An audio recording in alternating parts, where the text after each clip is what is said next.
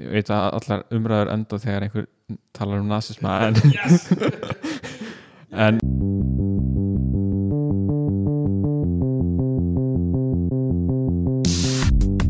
Halló er eitthvað að frétta? Já það er ekkert að frétta.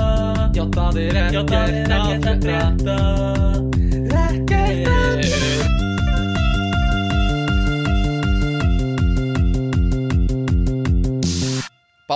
Bánk hver er þar? Dominos Dominos hver? Dominos heimsendurinn sá panta er Takk Hvað skilda ég þér? um, 16 reynar megar 14 reyna pilda uh, velkomin í 50. annan þátt af Ekta frétta þeir eru komin hérna að hlusta uh, á okkur af einhverju óskiljanlegri ástæðu. Sennilega af því ég sendi á okkur neina hlusta takk. Neina hlusta og segja. Uh, Kannski er þetta eina aftreyingarefni sem er eftir í heiminum. Já, vá, pældi því ef að uh, heimur er ferst og allt afþreyingarefni ferst nema skjálataska full af kassettum af ekkert að frétta. Sem fólk neyðist til að hlusta á. Og kassettu spilari og kassettuspilari. Uh, einn Volkmann Já, það vantar. Um, Velkomin í um, annan svona svolítið þunglindislega þátt mögulega. Samt, sko þetta er, þetta er smá skipt í tvent held ég, þátturinn. Uh, Við erum að tala um heimsendingar hjá, þú veist matfyrirtækjum og heimkaup og eitthvað svona. Mm og þú veist, það er fyrsta lagi eitthvað sem er tengt trúabröðum svona heimsendar. Og svo er, þú veist, hvernig heimur að tala um svona votta Jehova sem koma hinn til þín? Má ég tala við ég tala við, ég er með heimsendingu á uh, trúabröðum uh, og s- þú veist trúabröð og svo eitthvað sem þú veist, gæti gerst í alvörunni heimsendar.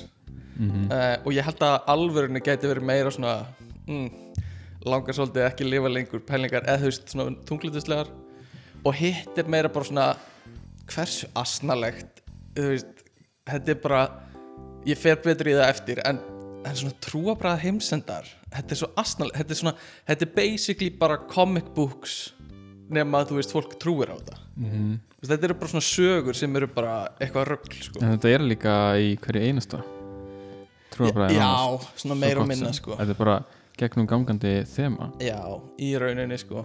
Og þú veist einhver svona spár fyrir en hvað gerist. En allavega uh, uh, við byrjum ekki á því strax af því þú þarfst að segja okkur aðeins frá listaháskólanum. Ég er mjög spenntur að heyra mm. hvað er að frétta í listaháskólanum. Eða þú veist, Heyrðu, Hann yðar af lífi. Af því ég veit ekkert um þetta líf basically. Nei, ég veit uh, ég er semt með viku langar reynslu mm, af þessu lífi no, hlýtur að vera no til að geta sagt þetta allt. Allt sem hægt er. En ég er náttúrulega ok, ég er, ok, ég er í tónlistadildinni já, og það sem er svolítið leiðilegt við listaháskólan er að hann er í þremur mismunandi byggingum. Já, og tónlistadildin er bara ein í sinni byggingu. Já.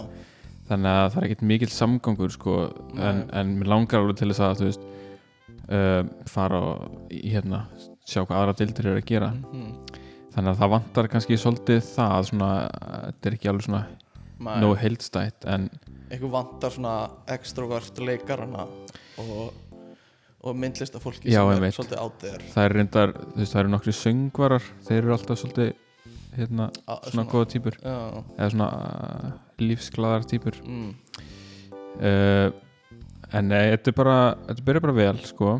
Ok. Fyrsta vikan í, í síðustu viku var svona nýnema vika. Já.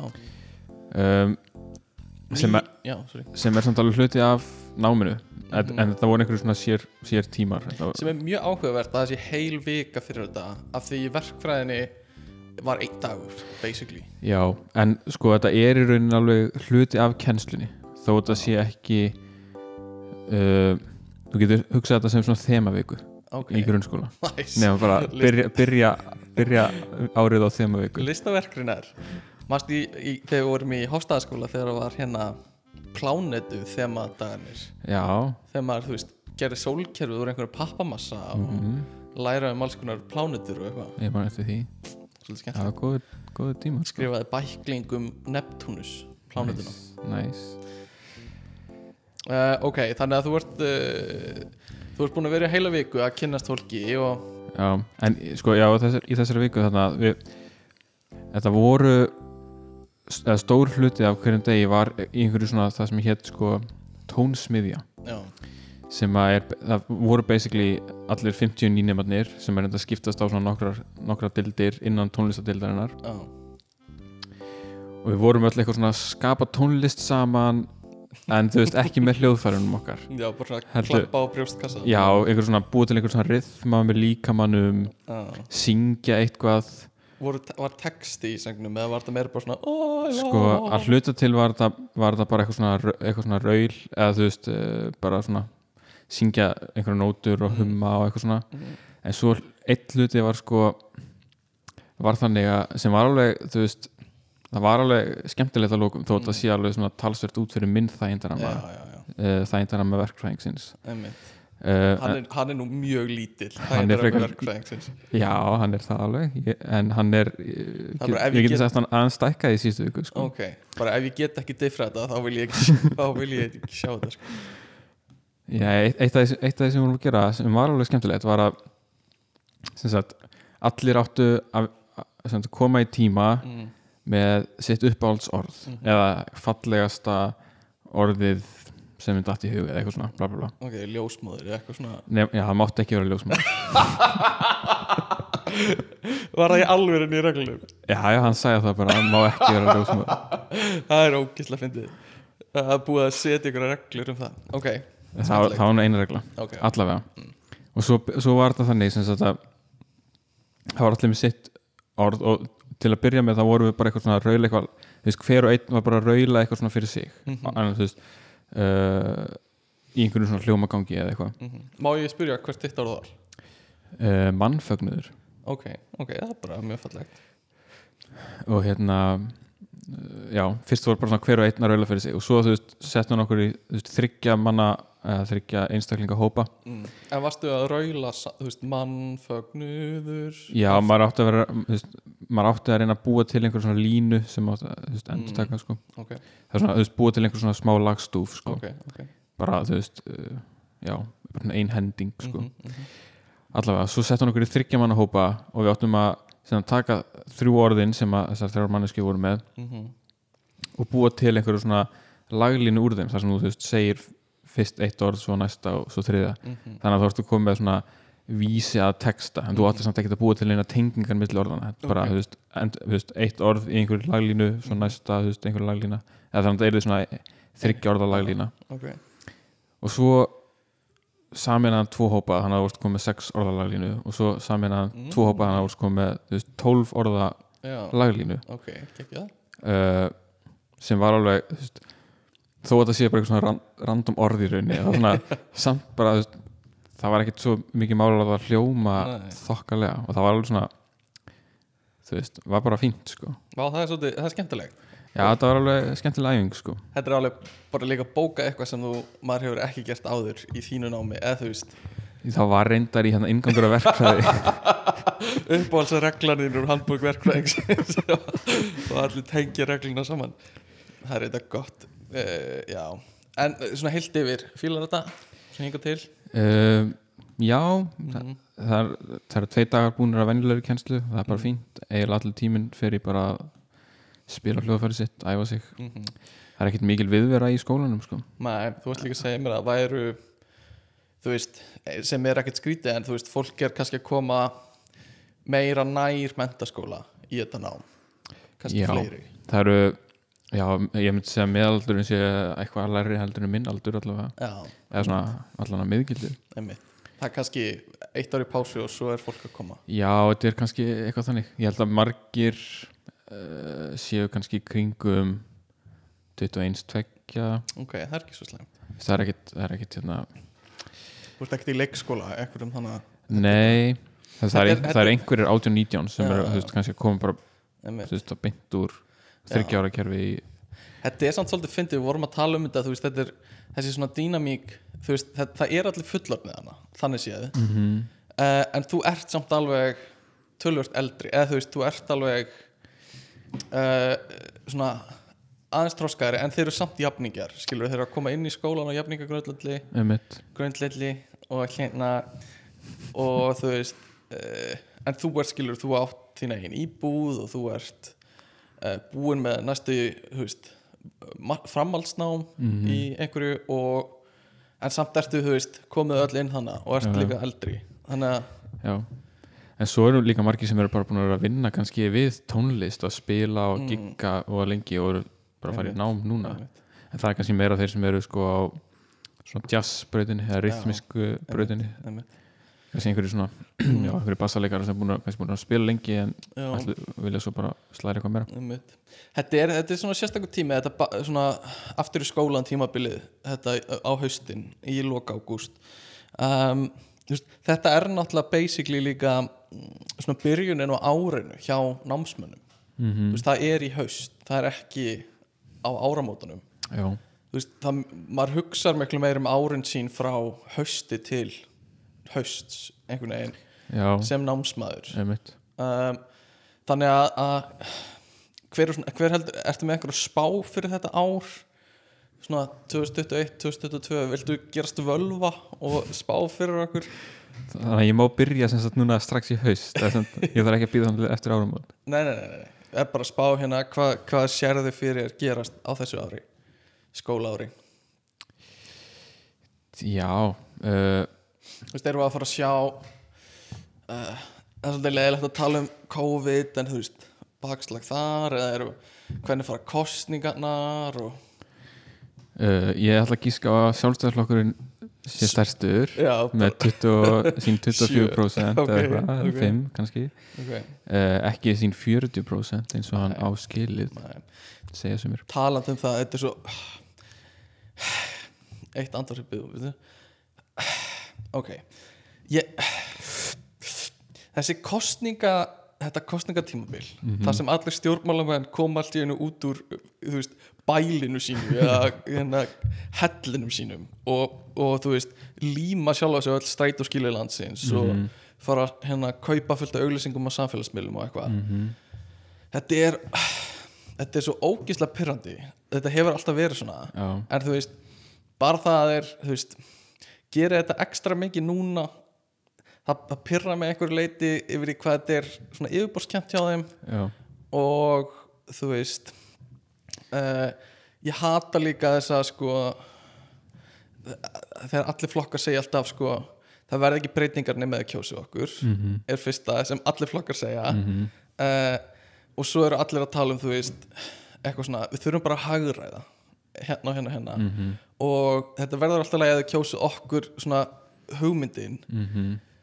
fer líka í mig, en þú veist þetta er bara, þetta er bara veist, stjórnmál hundraði skilur við, þetta, þetta verður ekkit öðruvísi mhm, en þú veist, ég hef náttúrulega líka bara þetta lætur mann missa trú á kerfinu að þú veist, það segja þetta alltaf allir en svo gerir engin neitt. En- Já, mann man líður stundum eins og skiptingum máli hvernig þú kýst. Ég Bara- er eiginlega En kannski vegna þess að flokkarnir eru það líkir, líkir margir, já, þú veist, það er eitthvað svona varians en en ég bara, þú veist, eins og ef einhver hefði kosið Vafgi á síðasta kjörtímabili og hjælt, þú veist þeir eiga að vera vinstri flokkurinn skilur mhm, og maður hjælt að ef þeir myndu komast kannski í ríkistjórn myndi eitthvað gerast eitthvað svona áþreifanlegt. Mhm. Nei og núna er samfélkingin bara svona típiskur hérna, stjórnar andstöðuflokkur bara eitthvað svona mm, ef þið kjósið okkur þá gerum við eitthvað í alvörun sko, við ætlum í alvörun að gera eitthvað. En þú veist, það, það, þú veist vinstri grænir ætluðu að gera eitthvað í alvörni Ég en þú veist, þú það. lendir í samstarfi með sjálfstæðarflokknum þá einhvern veginn endar bara einhverju stöðnu næstu því og enginn getur, já, kannski sko. Að ég það ekki. ég hef bara veist, ég hef enga trú á neinum stjórnmálaflokki sko. uh, en hérna æ, mér finnst líka bara þessi uh, svona ofan á allt, allt það kerfi veist, sem ég hef enga trú á er svona kostningabaráttan mm sem er bara svona trúðarleikur skilur -hmm. og bara hver er með fallegasta brosi basically, hver tekur sér best út af strætu skilum En við getum alltaf að vera sáttir eða þjóðin, sátt með það að kostningabaráttan á Íslandi er ekki nema mánuður núna já, en ekki eins og í bandaríkinum Nei. eða eitthvað sem er bara Ár. heilt ár sem er bara klálega tekið undir þetta. það er alveg góð punktur sko. Um, en svo er reyndar vegna vegna þess að við að tala um þess að stjórnmálflokka hérna, þú veist, þeir eru alltaf með eitthvað svona slagvörð mm, mm uh, og þau eru oft svo ótrúlega asnaleg. Já, já, já. Uh, eða svona, það- mér finnst bara eitthvað svo fyndi við þá pælingu að Mm. taka eitthvað svona hugmyndafræði. Já, þú veist, bara eitthvað eins og hérna þú veist, so, hérna sósjalistaflokkurinn eða eitthvað mm Mhm. -hmm. sósjalismi er ógæslega stór hugmyndafræði já, já sem er ekkert útskýrð á einhvern einfaldan hátt Nei. og sama með bara þú veist, hugmyndafræði hérna, sjálfstæðisflokksins og eitthvað svona. Mm en svo svona sjóða það niður í eitthvað svona tvö orð eins og hjá, hjá sjálfstæðisflokknum, ok, þeir eru nefndar mörg með svona fleiri en eitt slagorð. Mm eh, allan að samkvæmt DFF hérna, samantekt og DFF, þá er þeirra eitt af þeirra slagorðum báknið burt. Já, sem er svona stuðlar og skemmtilegt. Já. en ég held alltaf að í mínum huga hefur miðflokkurinn alltaf verið að tala um báknið. Já. Þeirra slagur er hins vegar verðum mem. Nei. Samkvæmt DFF sem er ógæslega skrítið. En, mem, þú veist, XM þeir eru XM, verðum mem. Vertu mem. Ah, en Þetta pyrraði mér smá Vertu mem uh, framsóknir framtíðin ræðst, ræðst á miðjunni. Ok. Uh, Þetta líka sko Þetta sko, ég, man ekki hvað sagði Ég held að það verið Sigmundur sem sagði það verða, það verða enga breytingar nema að miðflokkurinn verði með. Eða eitthvað Mhm. svona. Bara come on. Þú ert uh, uh, uh, þú ert mesta svona teiknimynda stjórnmálakall í heimi. Já, já. og hérna ert að koma með eitthvað svona yfirlýsingar, að ég veit ekki þetta pyrra mig en eitt ég hérna í, sem, í, þeir eru búin að vera að keira í dag Já. og kannski í gær líka já, ótrúlega margar auglýsingar frá sjálfstæðarflokknum þar sem þeir eru í útvarpinu hérna, að auglýsa sem sagt að þeir séu með einhverja fundi á vinnustöðum á tálknafyrði á Patricksfyrði, eitthvað svona sjálfstæðarflokkurinn verður með fund á vinnustöðum á tálknafyrði í dag Já. eitthvað. Og svo er slagverðið sjálfstæðarflokkurinn land tækifærana mm, ok. Sem er þú veist meikar ekki sens já, land tækifærana já, að flokkurinn eins og er ekki land. sjálfstæðirinn sjálfstæðisflokkurinn sé landið Mm, þú veist, að ég veit ekki. Já, uh, mér finnst allt kjánulegt við þetta. Mér finnst líka kjánulegt að vera að koma svona grein og vísi uh, sem er, vísir með eitthvað sem heitir oddvita áskorunin það segir setja áskorunir eða svona senda ykkur spurningarlista á, á frambjöðandur og þeir sendu á oddvita sem er frjálslindi líðræðisflokkurinn í norðu vestu veist, með fullri virðingu. Þú veist, ok ekki ekki kannski svona svo sem er mest ábyrrandi en hún heitir uh, hún heitir Sigurlaug Gísladóttir. Og hún er að svara uh, hvað færði þeir í bragðaref? Eða þú veist, hún segir fæ mér aldrei slíkan ref og uppáhaldsbók les lítið nú orðið. Uh, guilty pleasure lag fæ aldrei slíka sælu. Þetta er bara svona hún er ekki að svara- hún er ekki að svara. Uh, hún er líka bara að segja ég er leiðinleg kona. Já, bara, hvað tekur í back, ekki hugmynd. Uh, og eitthvað svona samt uppáhalds tónlistamæður, engin sérstökur Þetta er allt svona sko uh, Vá. Ok, hvað myndir segja við Kim Jong-un einræðis herra Norður Kóri að þú myndir hitta henni í einrúmi Góðan dag, viltu aðstofa við að koma þinni þjóðin í 21. öldina? Ok uh, Hversu oft hefur þú farið að sjá eldgósið? Aldrei Uppáhalds þingumadur veit það ekki. Uppáhalds fóstbræðra atriði veit ekki. Ok, þetta eru kannski ekki spurningar sem hendinni En þetta er alls ekki að koma vel út hjá allavega minni konu. Þú veist, Bjarni myndi allavega sjá sómansin í því að kontakta, þú veist uh, uh, PR-mannin sinn og láta hann hjálpa sér að fylla þetta út. En þessi er bara heiðarleik PR maðurinn myndur örugglega fylla þetta út og svo spyrja Bjarni ef hann er ekki alveg vissum hvert svarið er. Já, já, potið sko. Uh, En mér fannst, bara mjög fyndi góð mikið að bara veit það ekki, ég hef ekki áhuga að svara þessu. Heldur hann myndi fá sér jarðabér í bræðaref uh, Við þurfum ekki að opna þessa ferskir ávextir í bræður og umræða aftur. Uh, En ok, við erum búin að kofra skólan þinn en heimsendir. Heimsendir. Uh, Sko hvar eigum að byrja þetta? Þetta er, Þurfi ekki að byrja því að skilgreina hvað fælst í því? Jú um, sko í trúabröðum er þetta oft eitthvað sem uh, svona líkur þessari hefðbundnu tilvist okkar mannana sem samt heildar eh, ekki bara einnar manneski Nei, nei, nei, nei, já, sem heildar sko og þú veist, oft uh, annarkvort er, veist deg, allir eða allt mannfólki er útrýmt og, og eitthvað svoleiðis eða þú veist að við færumst á eitthvað annað tilvistig eða einhverja aðra tilvist. Mm og lífið heldur áfram en þa og þá er það yfirleitt betra en það var skilur að bara, bara góða fólkið Mhm. lífi af um, en stundum er það bara þannig að það er allt búið eftir heimsendi og, og allt endar og fyrir vestaveg. Bara fólk sem kýs vinstri flokka sem sagt, góða settu. X við M uh, og uh, en það er samt í alvörinu svolítið þannig. Það er þetta sko um, bara ef þú gerir þetta þá máttu halda áfram. Já, það er alltaf að uppfylla einhver skilirði Já, og bara ef þú kýst uh, uh, framsókn verða breytingar og þú kemst áfram um, en það er þú veist já, þetta, þetta er rosalega stór partur af mörgum trúabröðum en hjá sumum verðist þetta vera bara rosa mikið bara eitthvað svona sem við hugsaum eftir á. Bara, að við glemtum að tala um þetta bætum þessu við, eitthvað svo leiðis uh, þetta er ekkert rosa stórt í, þú veist uh, hérna Íslam eða, eða gyðingatrú. Þú veist, bara svona smá eitthvað Mhm. en svo í kristni faraði bara full on inn í þetta mm. og eru bara með fucking örglaða pælingu sem ég ætla að tala um eftir hve- hvernig heimsendur verður hjá kristnu fólki það er bara þú trúir ekki hversu asnalegt það er sko.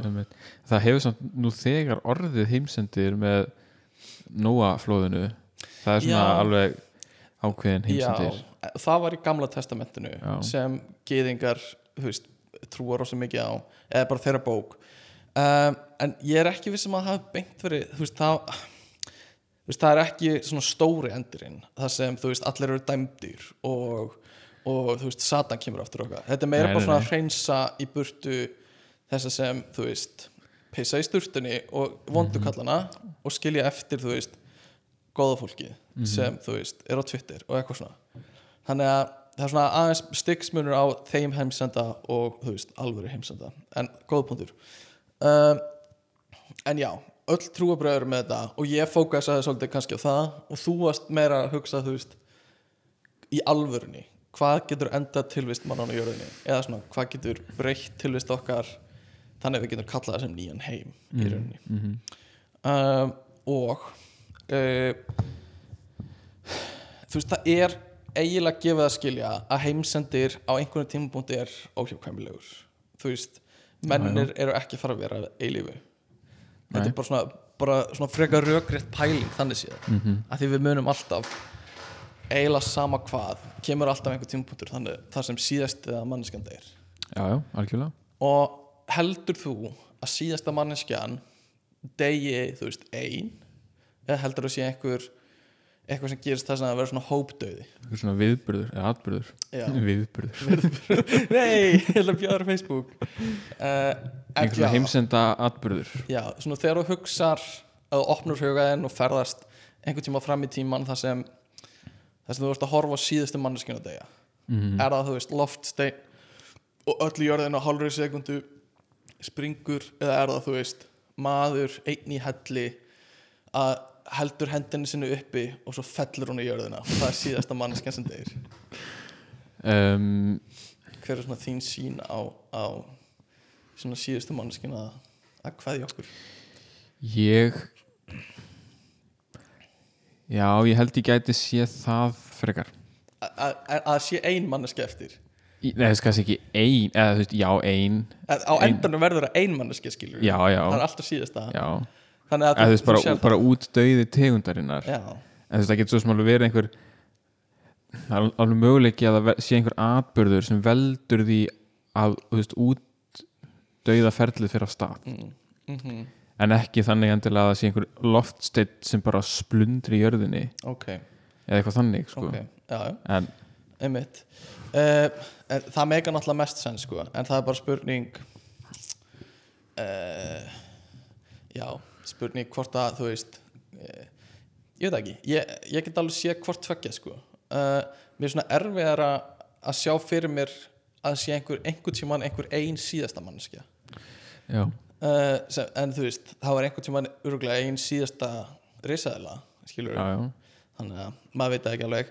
Uh, ég meina það eru dýrategundir þar sem eru bara já, tvær, einmitt. eindök eftir eða eitthvað. Já, manni finnst skrítið að það ver- gerist með mennina einhvern Mhm. veginn af því við höfum einhvern veginn vit á því að við þurfum að fjölga okkur eða eitthvað svona. Allavega eins og staðan er núna myndum við vita en það væri þá ekki nema að þú veist við værum orðin ófrjó eða eitthvað svo leiðis að við gæti það bara ekki. höfum við endilega vit á því eða þú veist, eða þú veist nasirningar sem eru að deyja út er ekkert, eða pandabönnir er ekkert að hugsa ok, við erum fimm eftir við þurfum að fara að rífa þetta í gang. En við menninir myndum allan að vita ok, það eru fimm menn eftir. Við þurfum allan að reyna að gera eitthvað. Já. Ég veit ekki, bara, bara pæling. En það er náttúrulega, já, það er spurning þú veist, á hvað já, á hvað tímapunkti, þú veist, ef það er þú veist, ef það er fólks ef það væri mikil fólksfækkun, þá er örugglega einhver svona utanakomandi valdur, eða eitthvað svona sem að veldur því að við náum ekki að halda þessu uppi. Þú Klárlega. veist, kannski einhverja veður aðstæður eða mm, eitthvað þannig og þá kannski, þú veist, þó þú sért komin á þann stað þú bara, ok, við erum orðin að fá og þá samt getur ekki þú veist, Mhm. það er eitthvað utanakomandi sem er hamlar því að þú náður að fjölga þér. Mhm. um, ég var sko við, við tölum um það þegar þú kemur með þitt en ég var skítrættu við þetta hefur lítill. Sérstaklega að sólinu var að gleypa jörðina. Ég var bara er reyndar og einhver svona loftsteinar sem eðilegi jörðina eins og reysælinu verður fyrir. Já, já. bara svona, þetta skítrætti mig sko. Og ég man að það var einhvern sem verið að tala um þetta í Hofstaðaskóla sem er bara, þú veist, fjóraði bekkur eða eitthvað. Mhm. og ég var bara uh, fuck. vita allir af þessu? Af hverju er enginn að gera neitt í þessu? Uh, og hérna já og ég var bara fuck hvað er að gerast? Og hérna bara halló, any minute now. Er enginn að gera neitt í þessu. Uh, en þú veist sem er náttúrulega mjög stúpid af því jörði, nei sólinn gleipi jörðina eftir þú veist biljón ári eða eitthvað. Mhm. uh, við verðum, við, við verðum ekki að lífi þá. Og loftsteina dótið er reyndar alveg svona alvöru áhyggjur sem má alveg hafa en þú veist það hefur ekki ég komið myndi ekki segja áhyggjur. Ég meina það hefur ekki komið loftstein í miljón ári eða eitthvað þannig að sem hefur haft einhver áhrif. Þannig að þannig að hann er að það Já, komin að fara tími á að það. Komið tíma á það. Uh, en áður nú fyrir mig það þá þú veist uh, finnst mér að við ættum að nefna domstaksklukkuna góðu mm. uh, sem er sem er alveg fyndi fyrirbæri og meikar sensa miklu leiti en mér finnst ok, allan að domstagsklukkan var búin til til þess að segja til um hversu nálagt við erum basically domstegi Mhm. uh, að, að búa til einhver svona þetta segja til um manngerðar hörmungar og ekki eitthvað sem er ekki manngerð. Heldur hversu nálagt mannkynni er að útrýma sjálfu sér. Mm að einhverju leiti það sem miðnætti er bara það gerist eitthvað mjög slæmt. -hmm. uh, og þetta er, þú veist, endurmetið á hverju ári og það er einhver stofnun sem heitir Bulletin of Atomic Scientists sem er basically bara einhver svona stofnun með uh, einhver svona kjarneðlisfræðingum uh, sennilega til að byrja með. Og þetta hefur verið stofnað í kringum kaldastriðið og tengt uh, bara svona hræðslu við kjarnorku styrjöld og eitthvað svo leiðis sem mega alveg og þetta var stofnað 1947 og hefur alltaf fókusað á kjarnorku og núna upp á síðkasti meira loftlagsmál Mm um, og þegar hún byrjaði þessi klukka þá var klukkan sjö mínútur í miðnætti. Sem þú veist og hún hefur mest farið niður árið 1991 í 17 mínútur í miðnætti. Ok, ok og uh, 2017 var hún 2 mínútur í miðnætti eða 2,5 mínútur í miðnætti árið 2018 var hún 2 mínútur í miðnætti og 2020-2021 er hún 100 sekundur í miðnætti bara það að þetta hafi alltaf verið svona nálægt miðnætti finnst mér smá gengisfella pælinguna. Mm uh, þó að þú veist það meikar alveg sens allt í lagi, þú veist, að vilja vera með eitthvað svona statement á að, að við þurfum að passa okkur og við erum að fara, þú veist, við erum að leika okkur með eldin og eitthvað svona, af hverju erum við ekki að pæla meiri í hver, hvað við erum að gera?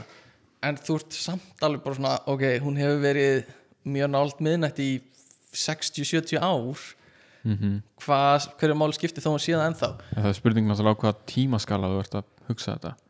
Já, þú veist uh, erum við að horfa til næstu tíu ára eða erum við að Mm. horfa til næstu hundra ára eða hundra ára?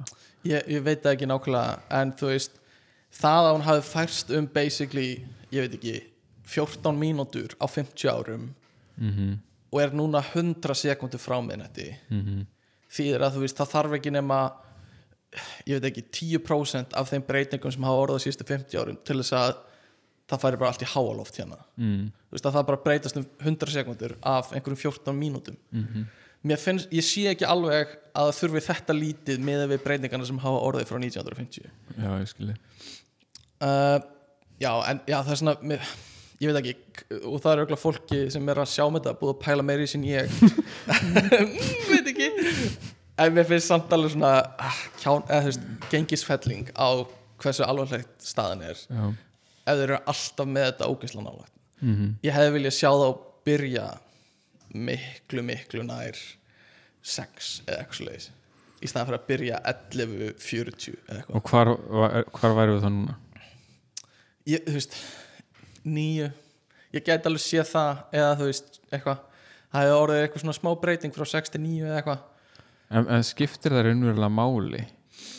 Þú veist, ef, ef, ef- við hefum byrjað í 6 Já. og verðum komin í 9 núna já, þú veist, þá varum við að hugsa, vá, þetta hefur breyst rosa mikið á bara 50 árum eða eitthvað. Mm Þú ég veit það ekki. á kannski breytingin er jafn mikil. Já, kannski, ég, ég veit ekki. En allavega, þetta er eitthvað svona sem vísindamenn hafa verið að krukka í og er alltaf eitthvað svona, kemur alltaf frétt eitthvað svona, domstegsklukkan var að breytast bla bla bla mm um, en uh, svona heimsenda pælingar í trúabröðum ef að fara bara í það og klára það -hmm. um, svona stór hluti af þessu uh, eru uh, svona cult uh, svona sértrúasöfnir sem fókusar rosa mikið á enda heimsins Mhm. og maður sér þetta mjög oft í fréttum og um, bara alls þar að þú veist, það er einhver spá fyrir um dómstegi Mhm. bara uh, ég, ég var að lesa Helga textan og hann segir að það er akkurat 17. mæ á næsta ári. Og þá fara allir eitthvað svona "Á, við þurfum að undirbúa okkur, fara í byrgin sín og drekka hérna kúleitið og drepa sig. Og svo þú veist, kemur dagurinn og þau svona heyrðu ekki, ah, ég las textan vitlaus það var ekki 17. apríl það var 24. november á næsta ári svona og, og færa svo dómstæðin sinn Mhm. og það er mjög algengt svona þema í þessu um, og, og sem oft ítir undir að fólk trúi og, og það hefur verið talað um það að svona fjölmiðla umfjöllun um, þessa, um svona sértrúasöfni hafi ítt undir að fleiri komi fram já, og þú veist, því meira sem er fjallað um það því fleiri koma fram og því fleiri sem koma fram því meira tækifæri er til að fjalla um það í fjölmiðlum. Þannig að ítir undir einhver svona ringrás Mhm.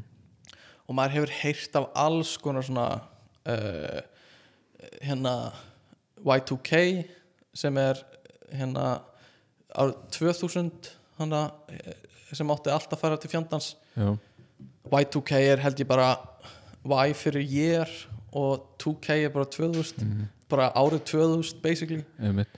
Og svo er þannig 2012 pælingarnar það sem var fullt af fólki bara uh, að trúa þessu. Og það eru oft einhverju spá einhverju svona spádómar sem kom inn í þetta. Mhm. og, ég, og túlkan er á helga textanum og eitthvað svo leiðis uh, en hinga til hefur það aldrei hitt naglan á höfuð held ég að við getum sagt. Nei, en það er samt alveg spurning hvað maður er að gefa stort ósupil sko. Já ég veit Ég meina- ekki þú veist, 21. desember 2012 mm, plus mínus myndir ekki að væri sko með hvernig þeir tala þá eru þeir svo handvissir sko mm. og ég myndi ekki gefa þeim neitt, neitt svona pluss mínus dæmi ef þeir væri hins vegar eitthvað svona ok, við höldum að gerst á næstu hundra árum mm. þá svona, ok, þú ert allavega þetta er allavega svona sniðugt til að halda þessu gangandi fyrir þig. Einmitt. En bara þessi gæjar sem eru bara nákvæmlega núna nákvæmlega á þessum tíma, klukkan þetta við veit hvað gerist. Mhm. og svo er alltaf, ah, fuck ég, ah, ég mistúlkaði textan ah, ég las við þessa línu. Eitthvað svona.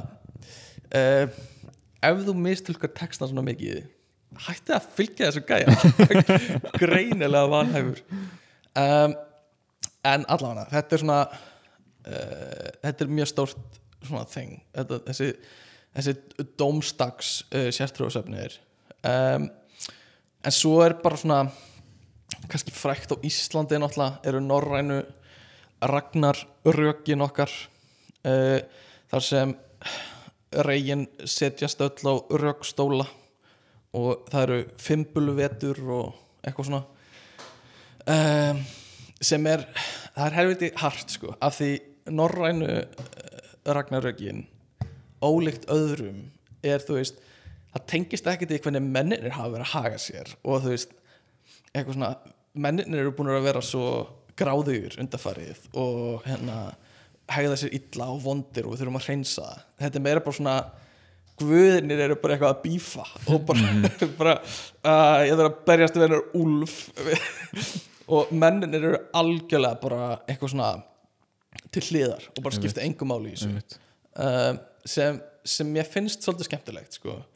af því í flestum öðrum þá er þetta mann kynið búið að haga sér svo illa og það fyrir að trú, trú á skurgoði og skoð og eitthvað svona mm. þannig er þetta bara þú veist uh, hérna Óðinn er eða, Loki kemur með hérna Ísþursana sína hva, hvað sem er heita hana uh, þeir ha- hafa eitthvað nafn og hérna svo kemur Surtur með eldin sinn úr Múspelsheim og uh, Óðinn er drepin af hérna Fenris Úlfi sem losnar úr læðingi þegar, þegar uh, keðjan hans, ég held hún heiti læðingur slitnar Mm. og, og hann kemur með loka og drepur Óðinn og Þór hefnur svo Óðinn svo drepur Fenris Úlfin og uh, er svo í bardaga við Jörmungandur uh, ormin sem liggur um alla jörðina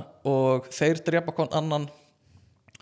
Og svo kemur Surtur og Múspels heim og basically bara eh, drepur allt sem er þarna.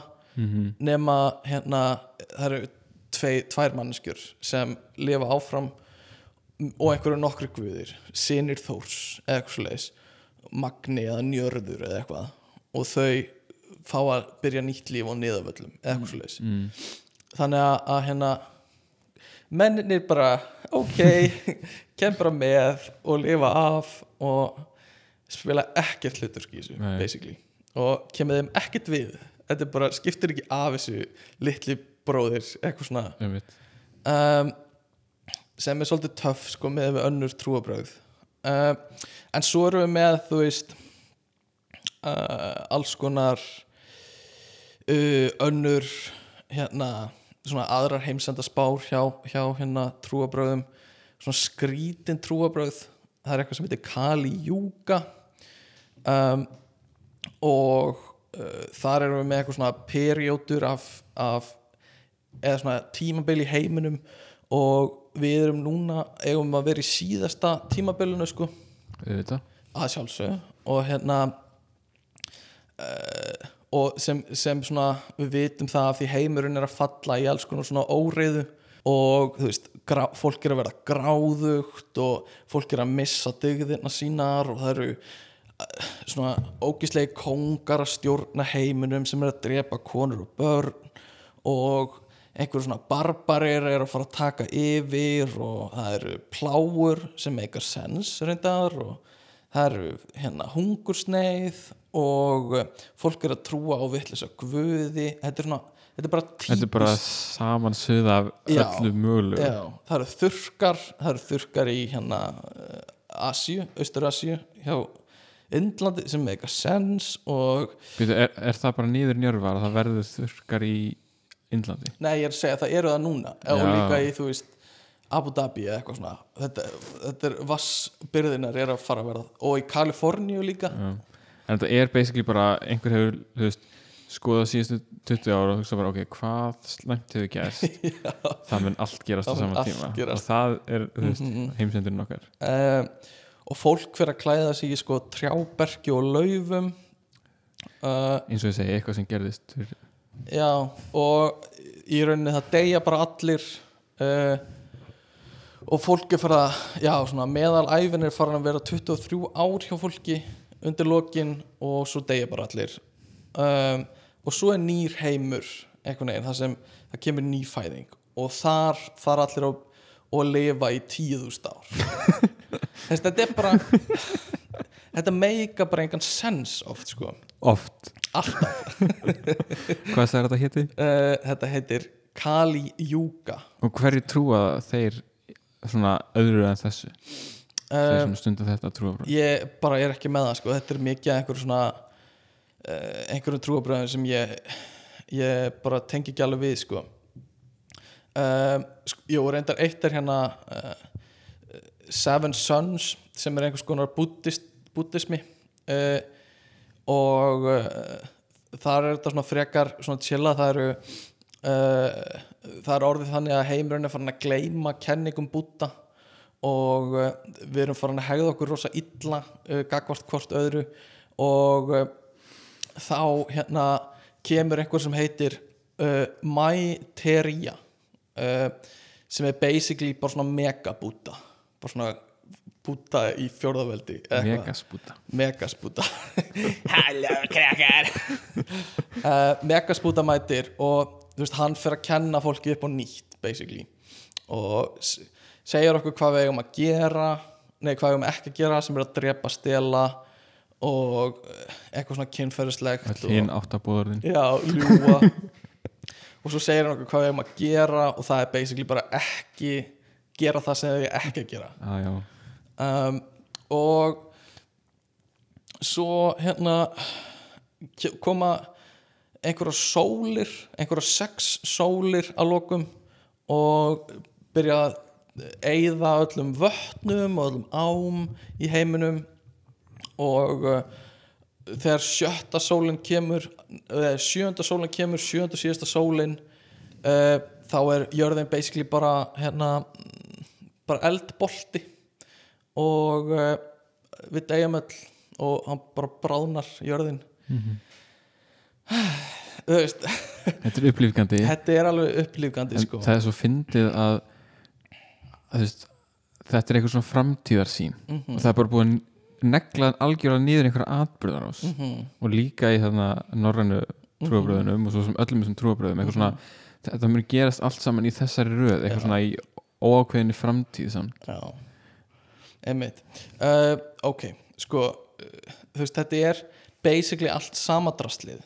Um, en mér langar að fara aðeins yfir sko uh, fyrsta lagi hvernig mormónar hafa þetta og svo hvernig kristifólk hverju kristifólk trúir. Og mormónar trúa því sko, mormónatrú er í fyrsta lagi eitt mesta rugl sem ég veit um. Það var þessi, hvað heitir hann? John Smith eða eitthvað svona uh, og hann sem sagt er bara þekktur sem uh, falsari á, þegar hann, bjó, þegar hann lifði. Og hann er ekkert rosa gamall sko. Uh, og hann ákvaða að túlka biblíana upp á nýtt eða eitthvað svo leiðis og hann heiti Joseph Smith og, lif, og var átjóndöld og hérna og sagan segir hann hafi verið einhver algjör svona lottar á sínu tíma en allavega hann tólka biblíun upp á nýtt og kemur með alls konar svona, svona sína pælingar inn í þetta. Og hann talar um að, að þegar að verða Ragnarök hjá mormónum þá kemur Jésu aftur og uh, hann, hann er semst búin að uh, skrifa að segja fólki að fólk heldur áfram að lifa í einhverjum svona spirit world svona andaheimi eftir að það deyr. Og þegar Jésu kemur aftur þá lifnar fólk við og uh, Jésu dæmir fólkið sem hérna sem dó áður fyrr og uh, þegar fólki er hérna dæmt þá fer það annarkvort í besta heim, næst besta heim eða vonda heim. Eftir hvernig Jésu dæmir þig. Og uh, uh, hann dæmir semst alla í heiminum hvort sem þú ert dáin eða ekki eins og ég skilu þetta. Og þeir slæmu þeir verða semst teknir á jörðinni og allt sem er vond er brent og uh, það er einhver svona hreinsunar eldur sem tekur við. Og þeir sem þeir sem eru góðir og þeir sem hafa trúað vel og eitthvað svoleiðis þeir fá að vera eftir og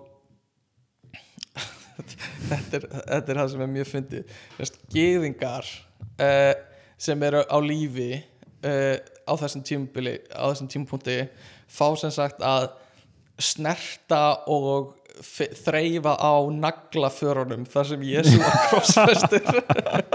Á höndunum og fótunum bara allir í röð Já, og fá að gráta yfir því að þið trúðu ekki á hann og, og höfnuð honum.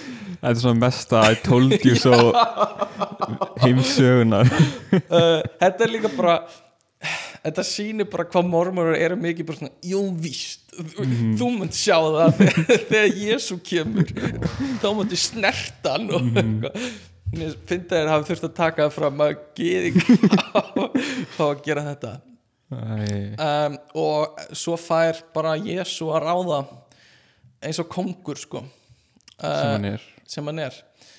Ok, þetta var eitt. Og svo er að næsta er sko biblíu heimsendarinn Mhm. og ég þarf eiginlega að bú- biðja þau um að búa það svolítið vel undir þetta sko.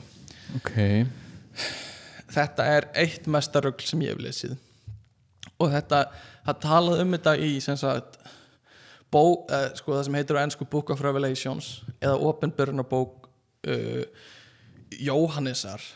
Eða ég ætla að kalla hann bara Jón af því þetta er John það þýtt íslendinga því það sem Jóhannes en allavega þetta er síðasta bók biblíunar í Nýja testamentinu. Þetta er ekki í Gamla testamentinu þannig að gyðingar trúa þessu ekki. Þetta er og, og hérna fleiri, þetta er aðalega bara kristi fólk sem trúir þessu. Og það tengist sennilega miklu leiti því að kristið fólk var offsótt að einhverju leiti á, þegar þetta var skrifað. Sem sagt 67 árið 67 eitthvað, eitthvað svo leiðis og hérna og, og það talið að það líti svolítið hvernig atbyrður á á sér stað í þessu. Uh, aftur basically mesta sírutripp bara sem ég hef orðið upplifað af því það er svo skýrt í þessu hvað þetta er skáldað og mikið bara svona já og svo gerist þetta líka. Og þá er töffi og þetta myndi gerast. Og svo bætu þessu við. Uh, og, og bara svona rosa gert rosa mikið til að vera verðast vera bara teiknum þetta saga það sem er með einhver svona cool sögu sko.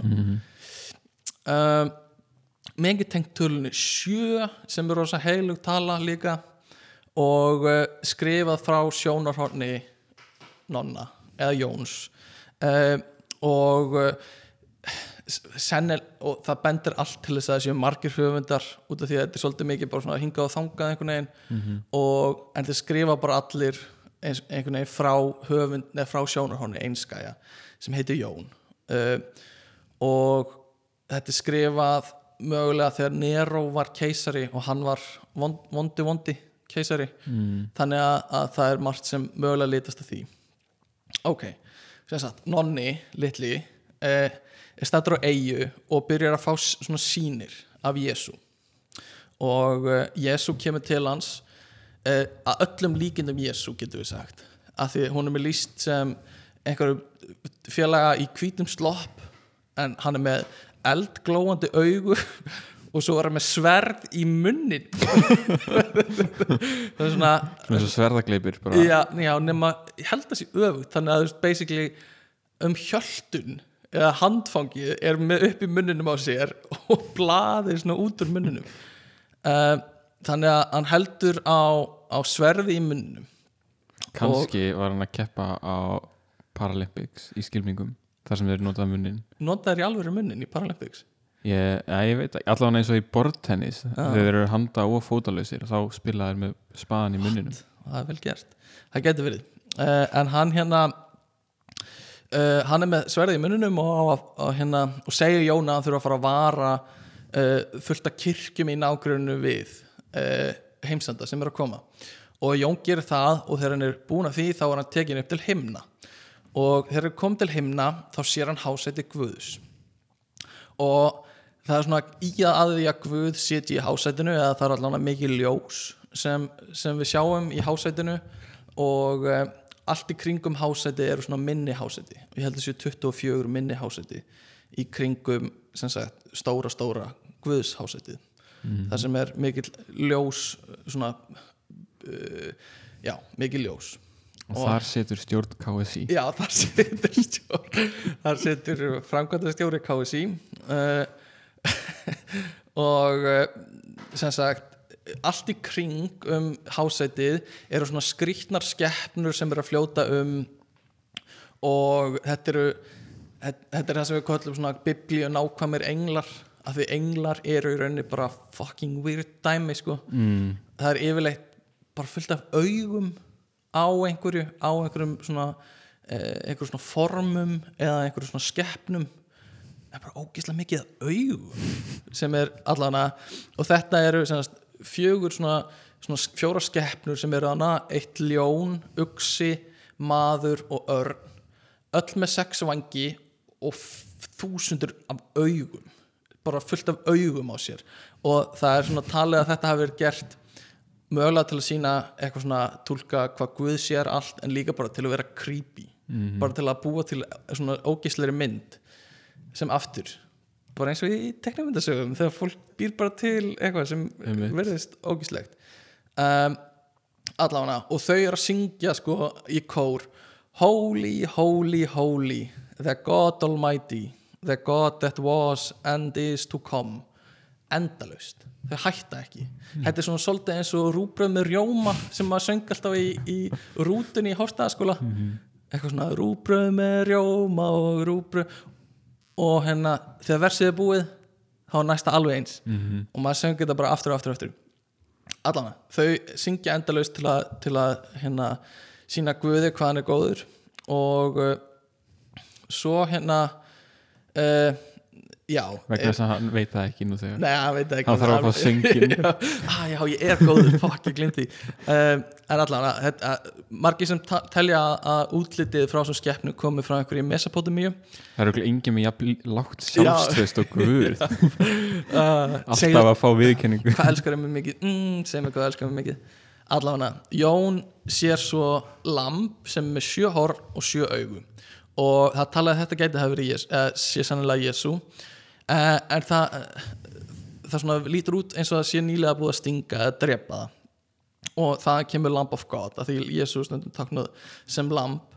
Allavega, lambið heldur á svona bókarollu eða það sem ekki talið heitir skról á ensku sem er með sjö innsiglum. Og svo byrjum við þennan þennan fáránlega dans sem er þessi hérna heimsendir. En það fjallar semast um að brjóta innsiglin uh, blása í trompet og hella úr skálum. Ok, og þetta er allt sjö af hverju. Þannig að þegar fyrsta er brotið þá koma, eh, kemur sagt, það sem heitir reyðmenn vindana eða horsemen of the apocalypse eins og við kallum það. Helgi Björns. Og uh, það er sagt sigur eða conquest uh, uh, stríð sem er basically sama á conquest uh, og svo er hungursneið og dauði. Og þetta gerist allt í rauð, fyrsta, annað, þriða og fjórða einseglið uh, og þau halda á sverði eða vog eða eitthvað svo leiðis uh, allavega, lampið lætur þá drepa uh, lætur þessa fjóra gæja drepa þ- hvað það, fjórðung mannkins. Hans lampi segir bara við á ok, farið þið núna á jörðina og drepið bara fjórðung mannkins. Jésu er basically að segja þeim að gera þetta. bara, ok, takk Jésu Jésu er góður. Já, góður. Og hérna þeir gera það, þá er innsigli fimm rofið, ekkert sérstakt sem gerist þá, bara eitthvað svona einhverju fá einhverja, einhverju, einhverja kubla og eitthvað, þurfum ekki að pæla í svo er innsigli sex brotið og þá kemur risastóri jarðskjöldu á jörðinni og hann er, honum er líst þannig að bara að, að nötrar allt fjöll bara jafnast við jörðuna og þú veist ekki góðu tími til að búa og fleka skilum eins og Íslandi Mhm. um, og í, í sjötta uh, hérna innsikli þá er mjög mikilvægt heiminin verður líka svartur. Og það, þetta, kemur inn í við erum að pæli þessu aftur og eftir en muniði bara heiminin verður svartur. Þetta gæti verið eitthvað svona tenging við það að eldfjöll hafi verið að gjósa á svipuðum tíma sem hafi svona f- falið einhverja borgir í myrkri og eitthvað svona og fólk sé að tengja það inn í alvöru, eh, inn í þessa sögu sem sagt. En ég veit ekki alveg á þessum tímpúnti byrja stjörnur líka að hrapa til jarðar uh, sem er sennilega ekki alveg stjörnur heldur bara loftsteinar eða eitthvað. Uh, þegar sjöunda innsigli er brotið þá gerist heldur ekkert sérstak nema söngurinn þagnar sem þessar skeppnur voru að syngja. Ok, fínt að fá smá breyk hjá þeim. Ok, svo förum við að pæla í lúðrónum sjö. Og þá koma sjö englar sem eru með sjö trompet og þau blása í trompetin eitt öðru. Og fyrst uh, að trompet sem blási þá er bara eldur og þriðjungur á plöntum jarðarinn að deyr. Þegar annað trompetið er blásið þá fellur stór svona fjall stór hlutur í jörðina og þriðjungur á sjóum heimsins verður að blóði og drepur líka þriðjung af uh, dýrum í sjónum. Uh, Númer þrjú þá uh, þá fellur stjarna sem mengar allt drikjarvatn heims basically. Uh, þegar trompet númer fjögur er blásið þá uh, verður þriðjungur sólarina svartur. Ah, en s- sólin var nú þegar orðin svört í, þegar innsigli númer 6 var brotið. Var, var sólin svört? Já, sagt, þegar innsigli 6 var brotið þá var sólin svört. Aha. en núna þegar engill blæs í trompet þá verður þriðjungu sólarinn svörtur sem þýðir, og fólk hefur aðeins pæli í þessu að það er einhver sem hefur fokkað upp, skilur það er búið að tala um það að sólinn verður svört. Þannig að það er einhver annar höfundur sem hafði ekki lesið semst, fyr, fyrir kaplan eða eitthvað í þessu sem er uh, svolítið fokkað frá þeim sko. um, allavega uh, svo hérna já, verður uh, þriðjungu sólarinn svartur uh, Númer 5, engill semst þegar blásir í fymta trompet kemur engill með reisastóran lykil og opnar dyr að botlausum pitti eða hólu uh, og upp úr hólunni kemur reykur sem skýlir restinni af byrtinu frá sólinni. Bara eitthvað rugl í gangi með sólina á þessum tíma. Uh, og út úr reiknum koma svo risa pöttur eða engisprettur ok, þetta er ekki venjulegur engisprettur af því þau hafa mannshöfuð með löngu hári. Þau eru í herk Eiki Hauks, þetta er allt Já, þetta er allt Eiríkur Haugs engisprettur basically í herrklæðum með kórónur á höfði ljóna tennur, sportdreka hala. Bara Þetta er samt ekkert engisprettur. Nei, já, basically. Uh, kannski einhver svona engisprettur lappir eða eitthvað. Uh, og þau það, semst, þessar engisprettur fara að stinga fólk uh, og svona uh, eiginlega drepa fólk en á þessum tímpunkti getur enginn dáið sama hversu mikið hann vill deyja úr sársöka eða vanlíðan. Þannig að það eru allir sem eru neittir til að lifa bara með einhverjum ógislegum engisprettum sem eru að stinga þau. Ok. Um, og uh, eftir það þá koma fjórir englar um, kom og þess, semst, eiga að drepa þriðjung manna aftur semst, þriðjung. Næsta næsta þriðjung. Um, svo þegar sjö, sjöndi trompeti blásið þá eru smá svona sálmar sungnir í heimnaríki og einhverju smá eldingar um, en ekkert annað merkilegt. Uh, já, ok. Hú, ok, við þurfum að halda fram eftir þetta þá er búið að blása í öll trompetin og það er búið að hérna opna öll innsiglin. Ok, eftir þetta koma þrjú skrýmsli það fyrsta er rauður dregi með sjö hausa og tíu horn. Mm þannig að þrjú af þessum þrýra af þessum hausum eru með tvö horn. Öll hinn eru með eitt horn. Uh, þetta á að vera eh, Satan, vinnur okkar Lucifer og hann flýgur til heimnaríkis og drepur erkiengilin Mikael þegar hann er búin að því er hann nú kastað niður til jarðar og jörðin gleipir hann. Uh, eftir það koma önnur skrýmsli uh, fyrsta á eftir uh, honum sem sagt er að það kemur upp úr sjónum eitthvað skona hlébarði sem með bjarnar fætur og munn af ljóni sjö hausa og aftur tíu horn. Og það eru skartgripir á hverju horni uh, þetta dýr verðist vera sært og lappar um og byrjar að guðlasta. Bara eitthvað fucking djöðli eitthvað svona Je- Jesu fucking eitthvað svona byrjar að guðlasta.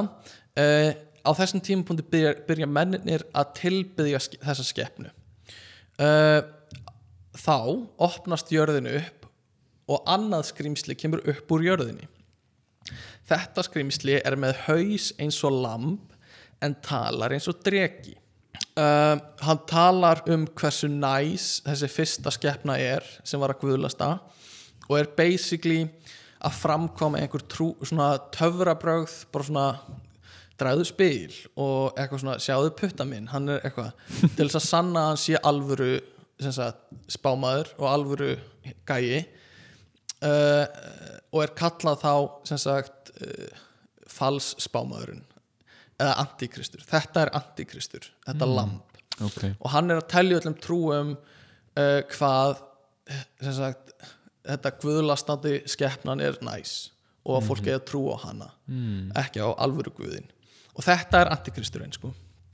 uh, þessi, þetta lamb eða antikristur, hann skrifar 666 uh, út um allt sagt, tölu djöfulsins og þá komum við aftur inn á Nero sem var keisari sennilega á þessum tíma og eins og margir hafa kannski síðan eða eitthvað þá er hægt að skrifa nafni Nero með, svona, með því að breyta því tölustafi er það basically 666 mm. eða 616 það fyrir eftir stafsetur það en allan þannig að það er tengt svona, fólk er ofta að tengja við það að hérna Nero á að vera Satan merki djöfulsins. Ah, ok. Og hérna sem er aftur bara svona ok, þetta var greinilega skrifað einhvern sem var pyrraður út í Nero. Mm uh, og það er líka talað um að verslun og peningar tengjast oft uh, því sem heitir Mark of the Devil eða merki djöfulsins. Uh, og þú mátt ekki kaupa nema að þú berir merki djöfulsins eða eitthvað svoleiðis. Og það er aftur líkt við það uh, talað um að peningar á þessum tíma voru með mynd af keisaranum á sem er merki djöfulsins. Mm. Peningur er með andlitinu hans nero á sér og það er merki djöfulsins og þú ert að versla með merki djöfulsins. Mm. uh, þetta tengist bara aftur inn í hver Nero er og að hann er Satan. Nero var að drepa líka mikið af kristnu fólki á þessum tíma. Mm kasta fyrir ljón og það er kannski þessi ljónamerking. Uh, allavega. Uh, meðan jörðin er uh, undir áhrifum þessara skeppna það sem menninir eru að tilbyggja þessar skeppnur þá er heimnaríki að undirbúa loka atriði uh, og allar eðileggingarnar sem koma þaðan.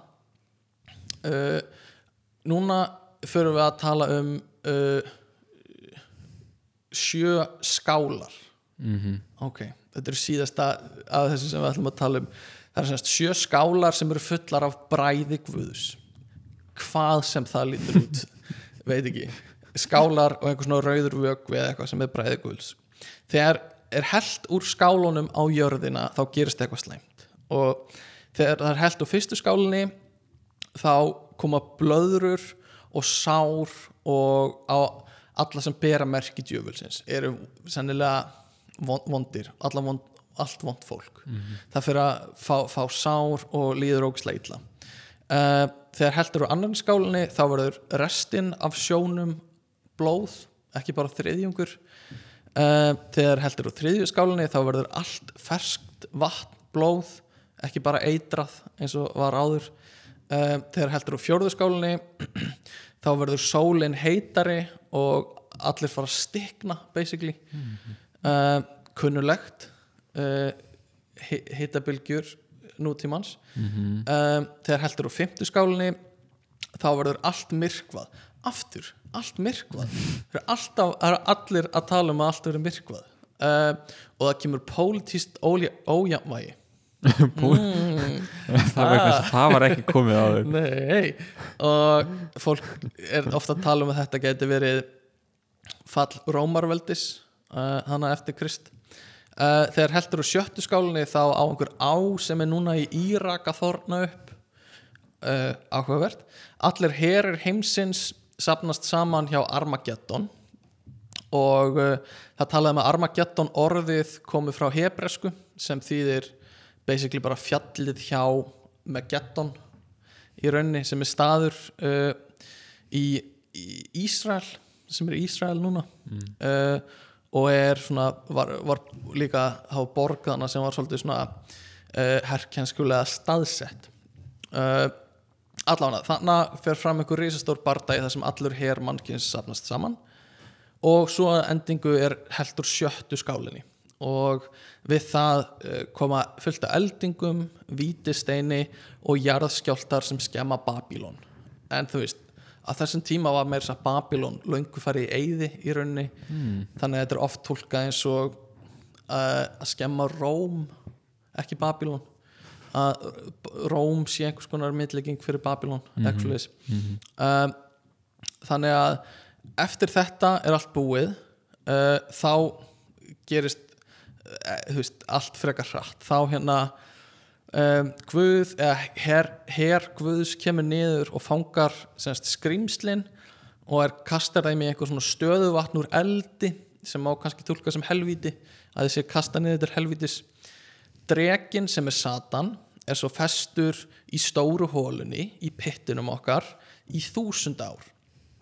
Sem er svolítið skrítið, akkur myndir ekki festan lengur allavega þúsund ár uh, Jésu kemur svo niður og stjórnar öllu á jörðinni í þúsund ár en svo eftir þúsund ár þá kemur Satan aftur. Þannig að við býðum í þúsund ár uh, og Jésu stjórnar. Þúsund ár dagur einir dagur einmeir uh, Satan kemur aftur. Þá er smá svona antiklæmaks maður heldur kannski að sé að fara að gerast eitthvað nett töff þegar Satan er komin aftur. Um, en nei, það er bara kemur eitthvað svona risastór eldbolti frá himnum sem kastar Satani vinnur okkar uh, og hernum hans, vonda vonda hernum hans í eldvatnið með hinum skeppnunum mögulega til helvitis. Og svo er í rauninni ekkert eftir nema lýsingar af einhverju sem þið kalla nýja Jerús, Jerúsalem uh, sem er basically borgin sem er borg sem er öll úr gulli sem er svolítið svona trömplegt finnst mér svona eins og Trump er með allt heima á sér og í flugvélinni sem er allt gulli. Mm. um, en uh, allavega og Jón eigður miklu púður í að lýsa sko rúmmáli borgarinnar. Og þetta verðist vera bara svona einhver svona sci-fi kuppur sem er þú veist 2220 kílometrar á kant. Bara ferningur sem er jafn stór á alla kanta allur úr gulli og innan hans þá er Guð, Jésu og allt góða fólkið uh, af Twitter uh, og englanir með augun sín uh, sem lifa svo bara góðu lífi það sem eftir er. Í, hérna, í í nýju Jérúsalem er, er, er allt annað bara eyði? Já, verðist vera. Vist, þetta er ekki þetta er ekkit endir á neinu. Þetta er bara svona þú veist, ok, þetta er, þetta endir á kannski tilverun eins og við þekkjum hana núna.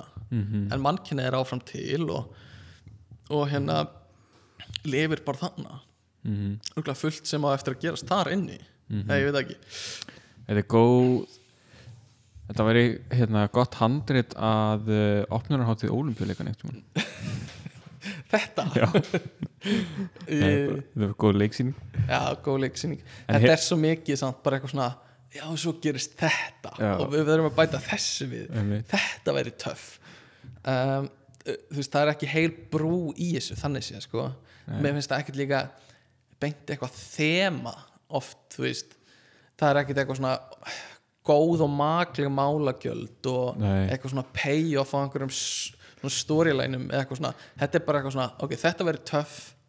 Uh, Satan já, tíu höfuð nei, sjö höfuð, hvað er mörg horn? Tíu, En það hljóma smá svona eins og svona hérna creative writing æfing. Þar sem að skri, byrjar að skrifa og svo byrjar næst að skrifa, veit ekki hvað hinn skrifaði og svo næst. Já, þetta er svolítið þannig sko.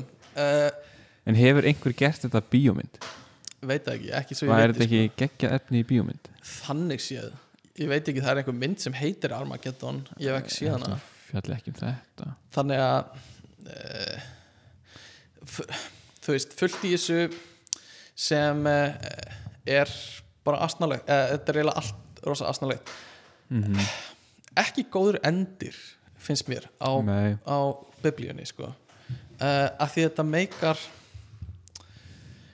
mér, finnst vanta bara sens en hvaða fólk er það sem er lifir af? Bara gott fólk? Er það Já. þessi eitt þriði sem var eftir? sennilega eitthvað svo leið sko en allavega góða fólk lifir af. Ein- ok, það, fyrst var eitt þriði drepin svo kom jarðskjálti sem hlýtur nú að hafa drepið einhverja. Sennilega. Og svo var annar eitt þriði mm Er það eitt þriði af þeim sem var eftir eða eitt þriði af upphaflega fólki? uh, ég held að skipti ekki máli sko. Um, já, og, já, ég veit ekki. Mér finnst þetta uh, mér finnst þeir hefðu geta gert betur. Mm eða þau mér finnst bara um, það er bara um að góða rittstjóra já, mér finnst uh, þú veist, ég vil ekki að þetta sé svona slæmt og lélegt en mér finnst þetta bara chaos hvernig þetta er skrifað. Mér finnst ekki vera payoff í einhvern veginn svona þemanu hjá kristnu trúabráðunum hinga til yfir í þetta. Mm mér finnst þetta meira bara svona gerum eitthvað pælingar tengjum þetta við uh, það sem er current í nútímanum sem var Nero einhvern veginn sem, sem keisari. -hmm. bara svona þið hefðu getið gert þetta betur með að við veist, efni sem þið hafið sem er gamla testamentið og sem er sem er sagan af Jésu í nýja testamentinu og upprisa hans og eitthvað svona. Í staðan fyrir að fara með þetta út í, í þessa ég held þið hefðu getið gert þetta betur sko. og ég hefði já, þið hefðu getið bara einhvern veginn tengt allt betur saman sko. En maður spyr sig hvert var markmiði með því að skrifa þetta það, hlý, hlýtur að hafa verið ég held að hafi smá verið bara við þurfum að klára þessu bók sko. Við þurfum að hafa eitthvað í lokin, skilur við og við getum notað þetta til að íta undir punktin að góða fólki lifir af og svo bara gerum eitthvað sem hljómar töff. Ég held ándjúst að hafa bara við þurfum enda á þessa bók sem ítir undir að fólk þarf að hegða sér vel. Eð, en held vegna þess að þetta er þarna á þessum tíma þar sem að eða allan, með hvernig þú sagðir það á þeim tíma þar sem að kristnir voru undir einhverjum ofsóknum mm -hmm. eins og það hafi verið veist, að búa til einhvern áróður gegn Nero og hans stjórn. Já, þannig að þeir voru ekkert endilega að pæla í því hvernig mun þetta byrtast fólki eftir 2000 ár eða 1000 ár eða eitthvað. Ég held að það sé bara og meira bara þú veist já, hvernig sannf þú veist, eða kannski hluta því þú veist, að reyna að fá fólk með sér í lið þú veist, Mhm. bara að hræða fólk Mhm. fyrsta lagi með þessum hræðilegu lýsingum já, og þú veist og svo áráður gegn Nero og Mhm. þú veist, ég held hans að aðferðum ég held að ekkert uh, í kristni og í þú veist uh, geðingdómi og eitthvað svo leis hafi væntalega ekki, hafi geta pælt í því hvað gerist þetta í 2000 ár þannig að það verður alltaf mjög svona mjög úrelt, alltaf. Já, um, sem meikar alveg sens fólk veit ekkert hvernig næstu 2000 ár þróast. Um, en svona líka út frá bara uh, svona bókmæntalegur sjónarhóni finnst mér Mhm. þetta ekkert frábært. Uh, sagan ekkert frábær.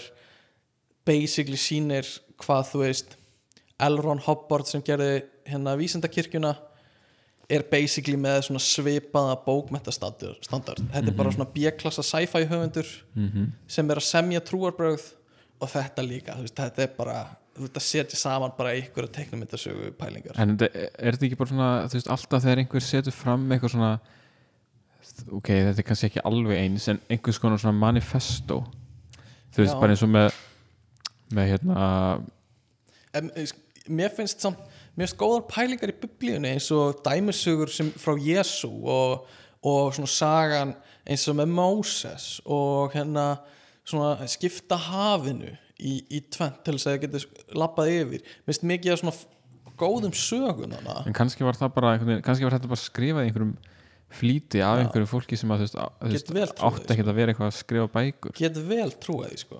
Og ég, veist, ég veit að allar umræður enda þegar einhver talar um nazisma en, yes en þú veist, hérna bókinas Hitlers, hann að Mein Kampf Já. hún, þú veist sem er bara, bara einhver svona stefnu yfirlýsing basically, já, þú veist e, hef ég heist að sé bara ótrúlega illa skrifuð já, já, já, og bara, þú veist, umurleg bók þú veist, bókmyndalega séð, sko já burt sér frá séð frá skoðunum. efnistökunum, Já, sko. einmitt.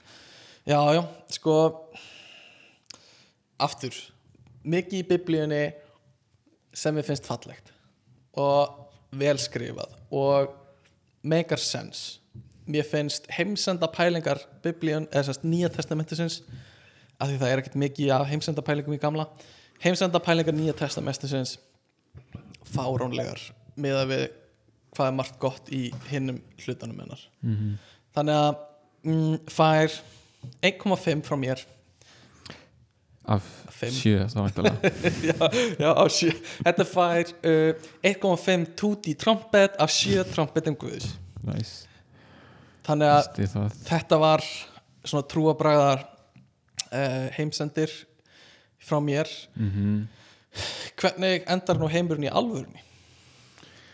Já, skemmtilegt að þú skildir spyrja þessu Mhm. því að ég var einnig búin að hérna, skoða þetta svolítið. Skrifaði niður, spá fyrir um það um, Pældi ég að ég verður ekki með jafn podcast langa einræðu og þú.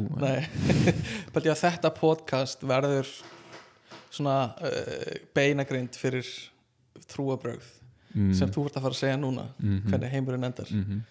Eh, það er planið. Mm sko uh, kannski uh, pælum aðeins fyrst í sko því sem gæti gerst í alvöru. Og, og reynda núna þú veist, núna breytist kannski aðeins hvernig við hugsum orðið heimsendir því að núna erum við meira kannski að pæla í einhverjum svona atbyrðum sem gæti kannski ekkit endilega útrýmt öllu mannkyninu á einu bretti heldur Mhm. meira kannski svona kannski eðurlagt siðmenninguna eða Já. svona svolítið þannig þetta ekki bara breytir í hvernig við lifum Jú, einhver svona frambúðar? mjög drastískar breytingar já, já, uh, já, og uh, það er nú gott að fá aðstóð vísindamanna Jú, þegar maður hérna fer út í þessar pælingar. Ég, ég, ég, hef aðeins pælt í eins og með uh, nattræna hlínun eða, eða breyting á loftslægi mm. þú veist uh, þetta er mjög slæmt, þetta skapar mjög uh, slæman heim fyrir ógeðsla marga.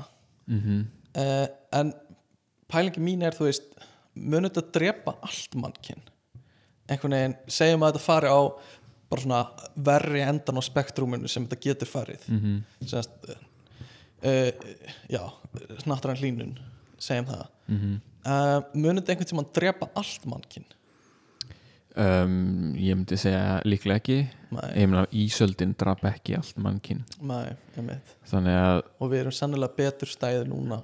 Já, ég meina þú veist, það væri miklu færri einstaklingar en þeir myndi það bara lifa, þú veist, engstar norður hjara, veist, Mhm, ef að ef að miðbögur og þar í kring er ólíft, einmitt. þá bara, veist, bý, býr fólk Mm. engstar á söður og norðurskjöti og ég meina kannski er siðmenningin horfin en við getum kannski lifað áfram sem bara eitthvað svona, Já. þú veist, eins og við gerðum einu sinni. horfið til fortíðar það, sko, já, en þetta gæti líka bóðu upp á sko risastóran fólksflutning frá fólki frá erfiðum svæðum Já, bara ekki spurning, sko. og það náttúrulega býður upp á fullt af vandamálum Já, já. En allan, sorry, ég, ég greip fram fyrir þér. Ekkert mál. Hérna, það er þessi góða síða hérna. Það er alltaf gott, gott að buzzfeed.com skástrík apokalypsna næstu því, þessi síða mm. sko hún heitir Tech and Facts. Ah, ekki Tech Facts, nei, Tech and, end Facts, facts ok, því að það var ekki nóg efni nei, nei, tækni efni, það er svona ah, bæta við, við. Staðrið staðreyndum. ok, uh, og þess, hérna er svona það er smá grein hérna Mhm. undir flokknum Interesting Facts ah, ah, ah, ég les oft óáhugaverðar, það er gott það er alltaf, maður byrjar alltaf óhugaverðu Mhm. og svo fer maður í áhugaverðu ég mynda mér á, kemur inn til rítstjórans með blað af staðritum bara, þetta eru áhugaverðar að það ekki og hann, nei fari óáhugaverðar staðrindunar Já. þessi grein, hún heitir hérna 10 possible scenarios of the apocalypse Já. According to scientists. Ok.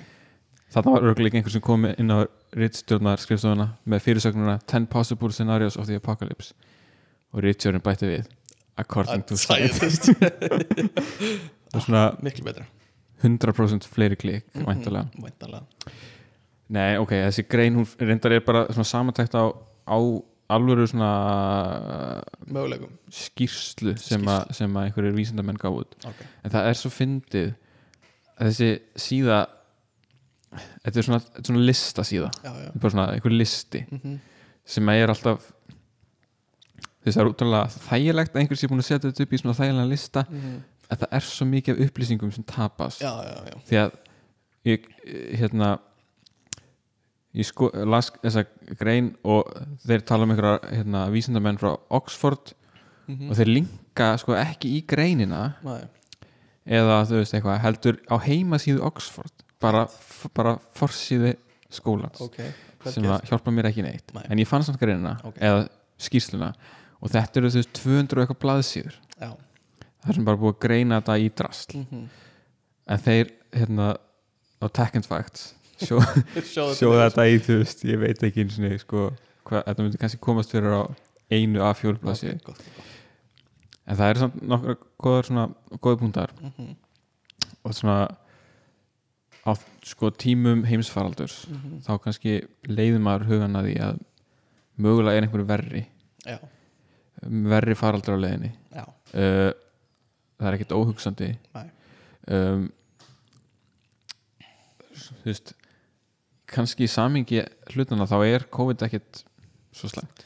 Nei, sko Dánaprósendan er náttúrulega ekkert eitthvað gífuleg, hún er ekki tveggist átölu um, Ég, ég myndi með að versti faraldurinn gæti verið uh, faraldur sem sko, sem er í fyrsta lega erfitt að greina sérstaklega snemma sýnir ekki einkenni snemma en smitar mikið Mhm. snemma sem er svolítið eins og COVID uh, og hefur háa dánatíni Mhm. þannig að það er erfitt að rekja að því hún greinist svo seint hjá fólki Mhm. en hefur samt háa dánatíni veist, ef að ebola myndi smitast jafn hratt á COVID Já. eða jafnvel ég held að máli með eins og ebólu og gömlu sarsverun og eitthvað svo leiðis er að fólk fekk einkenni sín strax þannig að það var hægt að einokra fólk hraðar og Já. þú veist bara um leið og fara einkenni þá ertu byrjað að smita Mhm. en ef þú ert ekki með einkenni þá ertu ekki mikið að smita mm. sem er það sem COVID er ekki sem er svona gallin með COVID ef við getum orðað þannig er þú veist þú getur verið einkennalaus að smita svo lengi Já. sem gerir þetta að útbreyslan verður miklu hraðari Mhm. og þ- auðveldari fyrir veiruna. Einmitt. En sjúkdómurinn sjálfur held ég COVID ef ekki fengið hann. Svona virkar ekkert ótrúlega e, þú veist ömurlegur sem, sem einkennin þú veist, auðvitað er margir sem veikjast mjög alvarlega og allt það. En þú veist, ef maður bara byrja þetta sama við eitthvað eins og ebólu, þar sem þú veist bara með þú veist, blóðu og niðurgang og eitthvað svona ógeð sko, Já, að þá hérna skil hvert að ferð og líka bara hérna svartidauði eða eitthvað svona það sem þú fær kýli á andliti já, og já, já, einmitt. ógæslega gröftur og eitthvað svona þannig að þú væri með eitthvað þannig Mhm. sjúkdóm sem myndi hérna smitast hratt og öruglega Já. eða Mhm. eins og second facts orða það Mhm. as an example, just look at Ebola rabies, cold and HIV imagine what could possibly happen if they were combined ó, ó, klálega sko mál með uh, hundaæði rabies er að þegar þú ert komin með það eða þegar þú ert farin að sína enginni Mhm. þá er of seint að meðhalla sem er svolítið, það er svolítið svona óhugnaleg það tilhugsun þetta er líka svo ótrúlega óþægileg sjúkdómur eða svona Já. skeri engin þetta er svona svona næst þau, það sem kemst næst einhvers konar svona zombie veirur já, sko. fólk hefur náttúrulega talað um það ég er ekki alveg klára á einkennunum samt en sko eitt af engin ég held að eitt af enginum sé svona bara þú ert ótrúlega já, uh, svona stuttur í sem hérna, og, og líka þú ert þú, þú ert hrættur við vatn. What? þú bara, þú getur ekki kynkt vatni. Ok, sem er veginn hræðileg er ég held að það sé hundaði. Ok. Það er alltaf einhver sjúkdómur. Og Mhm. það hljómar hræðilega fyrir mér. Og meðgangutímin á hundaæði getur verið mörg ár. Það sem þú veist með það í þér á þess að fá neinn enginni uh, en það eru ágætt meðhöllin við því áður en að farið enginni og það eru til það við er bara því. Og það er jákvæð það, er- veist, það er bara hérna það eiga allir að vita að ef þú ert staðar sérstaklega í útlöndum og þú ert bitin af einhverju dýri þá færðu bara beint upp á spítala og færð sprauti. sérna bólusetningu og þá átt að vera bara góður sko. já, já, allavega, vísindamennir þeir segja líkunar á því að þetta gerist, sem sagt líkunar á því að það komi sjúkdómsfaraldur Mhm. sem bara segja, knésetur Mhm. heimsbyggðina Já. líkunar því eru 0,0001% ok, ok uh, COVID er náttúrulega að einhverju leiti að knésjöta heimbyðina ekki á þann hátt sem að Já, vísindamennir þú veist, en ekki svona fullkomlega nei, þú veist, þeir eru bara að tala um fallsiðmenningar sko. mm -hmm. um, annar möguleiki er náttúrulega uh, hérna um, kjarnorku styrjöld en það er Mhm. líka eitthvað sem við ætlum kannski að tala aðeins meirum á eftir sem er eitthvað sem að veist, hefur verið hætta áður já, já, uh, en svo náttúrulega það sem við rættum áðan mm. er bara svona uh, hérna áreikstur af einhverju svona nattrænum eða hérna stjörnufræðilegum fyrirværum við svona loftsteina. loftsteinum eða einhverju slíku sko. Uh, og þeir segja sko 5 kilometrar hérna í radius eða Mhm. þörmál já, þörmál líklega uh, væri nót til þess að bara já, taka okkur út sko. Já sem er svolítið skýri, það er ekki mikið já, það var uh, ný, á 20. stöld, snemma á 20. stöld einhvern tíma 1908 eitthvað svoleiðis, það var 100 metra flikki sem Mm. lendi einhver staðar og sem betur fyrir lendi það út fyrir það sem uh, var einhver hætta mikil, það voru einhverju nokkru heldur sem létust mm, en ef að það myndi gerast á stóra borg myndi bara, þú veist, útrýma borginni sko. já, já, já. Uh, sem er líka bara, það fer rosa mikið eftir hvar þetta fyrirbæri myndi lenda. Mm um, En þeir segja reynda hérna þessi, ef það var með 5 kilometra þá bara Stóran. sama hvar. Já en þú veist ekkit endilega þú veist að jörðin myndi bara farast heldur meira þú veist, þú veist það myndi hafa áhrif á loftslægið sem myndi síðan þú veist hafa svona keðiverkandi áhrif. -hmm, mm -hmm. um, líkunar á því 0,00013% ok, sem virkar ótrúlega nákvæmt eitthvað. En það er enda kannski auðveldar að meta þetta svona, því að stjárnfræðingar Mhm, hérna, vita svona veginn. Einmitt. þetta var eitthvað sem, sem hrætti mig líka ros, eh, rosa mikið þegar ég var yngri sko. eitthvað svona fyrirbæri sem kæmu. Uh, og ég pælt þú veist gætu við gert eitthvað var líka mín pæling, þú veist, gætu við sendt kjarnorku sprengju upp og það er held ég akkurat það sem Armageddon fjallar um ah, ok, myndin. ok og þú veist, sprengt fyrirbæri í loftu þannig að það séu minni eindir og eitthvað svona uh, veit ekki hvort það væri hægt en hérna, Já. allavega After discovering that an asteroid the size of Texas is going to impact Earth in less than a month, NASA recruits a misfit team of deep core drillers to save the planet. Aha. ok uh, hvað meira, hvað er meira í þessari grein? Uh, Náttúrulega hérna, loftslagsbreytingar. Já, já, en það er kannski, við vorum náttúrulega aðeins að ræða á þann en þú veist, það er, myndi væntalega kalla fram sko mikla mikla fólksflutninga. Já. Þú veist, það er ekkit endilega eitthvað að siðmenning myndi Bre falla, Falla, falla eða, ég get ekki alveg eins og við vorum að tala um á hann ég, ég er ekki við sem ég sjái það nákvæmlega að gerast sko. en það er spurning sko þú veist, þú veist, þú veist hvort að restin af jörðinni veist, Mhm. ég veit ekki, segjum að einhver hluti jarðarinnar verði bara veist, óbílt Mhm. á þeim hluta mm og allir reyna að flytjast á hinnast hlutuna Já. hvort að þeir hlutar geti haldið Mhm. mannfjöldanum uppi Mhm. uh, og hvort að veist, það verður það bara fjölda dauði og Einmitt. hvort að hvort að við þurfum allan að fjölda fólki til þess að halda uppi Mhm.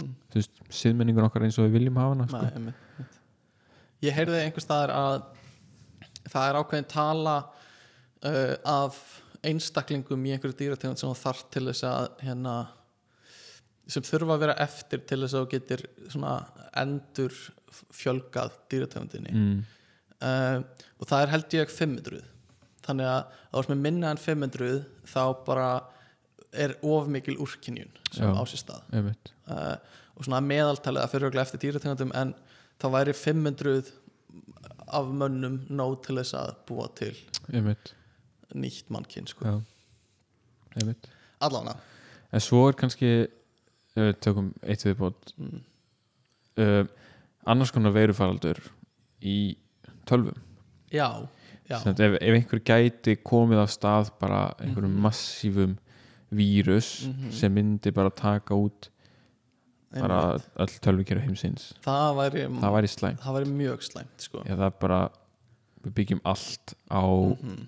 því að tölvunar virki klárlega uh, Fire Sale var talað um í Die Hard 4 minnum mig, það sem var eitthvað svona semið þessi pæling sko. um, en alveg klálega og meira tengt tækni, ég veit ekki hvort þú ert með á listanum en svona singularity pælingar með akkurat þar sem, þú veist, gerfegreindin uh, verður uh, svona vörum sjálf, sjálfa sig, sig og 1-10% líkur á því segja þeir 1 til 10 það er svolítið óþægilega hálfur uh, þannig og, og annarkvort útrými mannkinnu eða breytir tilvist okkur á einhvern hátt mm -hmm.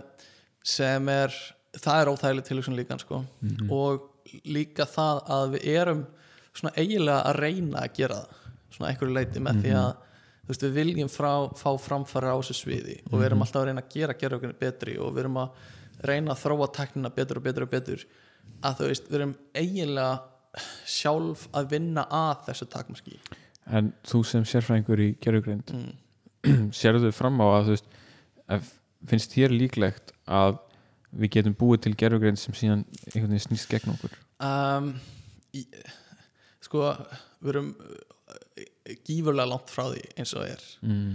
um, ég sé að fram á það geti gerst bara því ég held að það sé áhugi fyrir því hjá því sem er að þróa þetta Mm. að búa til mjög hæfa gerfugreind Mm um, og ég sé ekki fram á það að við getum sett þeirri gerfugreind einhverja svona skorður til að takmarkana Nei. meira bara svona þegar ef, ef við náum þessu einhvern tímann þá þurfum við bara að vona að hún verði ekki vond skilur við um, og aftur, ég held við séum virt að reyna einhvern veginn meðvitað eða ómeðvitað að framleiða þessa típu af greind sko. um, sem er smá skeri en aftur erum mjög langt frá því eins og er Já. þannig að Þetta er bara svona vegna þess að við getum það þá gerum við það og svo bara dílum við við það þegar það gerist sama hvað, ég held að það sé klárlega málið sko. Þegar kemur að þessu sko. sem gerir, þetta er svolítið öðruvísi heldur en margt á sem lista af því aftur, ég held við séum að vinna að þessu sko. Mhm. sjálf Einmitt. þetta og kannski nattran hlínun en þar þar, þar, þar svona helst viljum við ekki að gera eða, þú veist, erum við veist, meira ómeðvitað að vinna að því. Já, já. uh, en þannig erum við bara tekni framfærir, látum tölvun að verða betra og betra í að hugsa. Mhm. uh, Þetta er svona eitthvað sem að við um rauninni höfum áhrif á þetta og, og, og hérna náttúrulega veist, sjúkdómar þú veist, einhver svona náttúru fyrirbæri Mhm. og, og náttúru atbyrðir, þú veist, það er eitthvað sem er svona frekar háð einhverjum tilviljunum bara. Mhm, mhm, uh, nema náttúrulega þú veist, þú getur hannað mhm. einhvern svona líffræðilega vírus eða eitthvað og sleppt honum lausum það er náttúrulega hægt líka það er alveg skeri pæling líka sko. uh, aftur teng, tengist þeim á COVID pælingana með hérna tilraunastofu mm. uh, kenninguna sko. mm uh, sem fekk svolítið byrjundi báðvangi fyrir nokkru mánuði fannst mér -hmm. ekki heyrt ég mikið talað um undarfarið um, en eitt áhugavert tengt svona náttúruhamförum uh, San Francisco pæling, da- dótið að þú veist það er uh, komið langt fram yfir aldur eða svona fram yfir það, þann tíma sem það ætti uh, varandi stóran skjálta þú veist mm.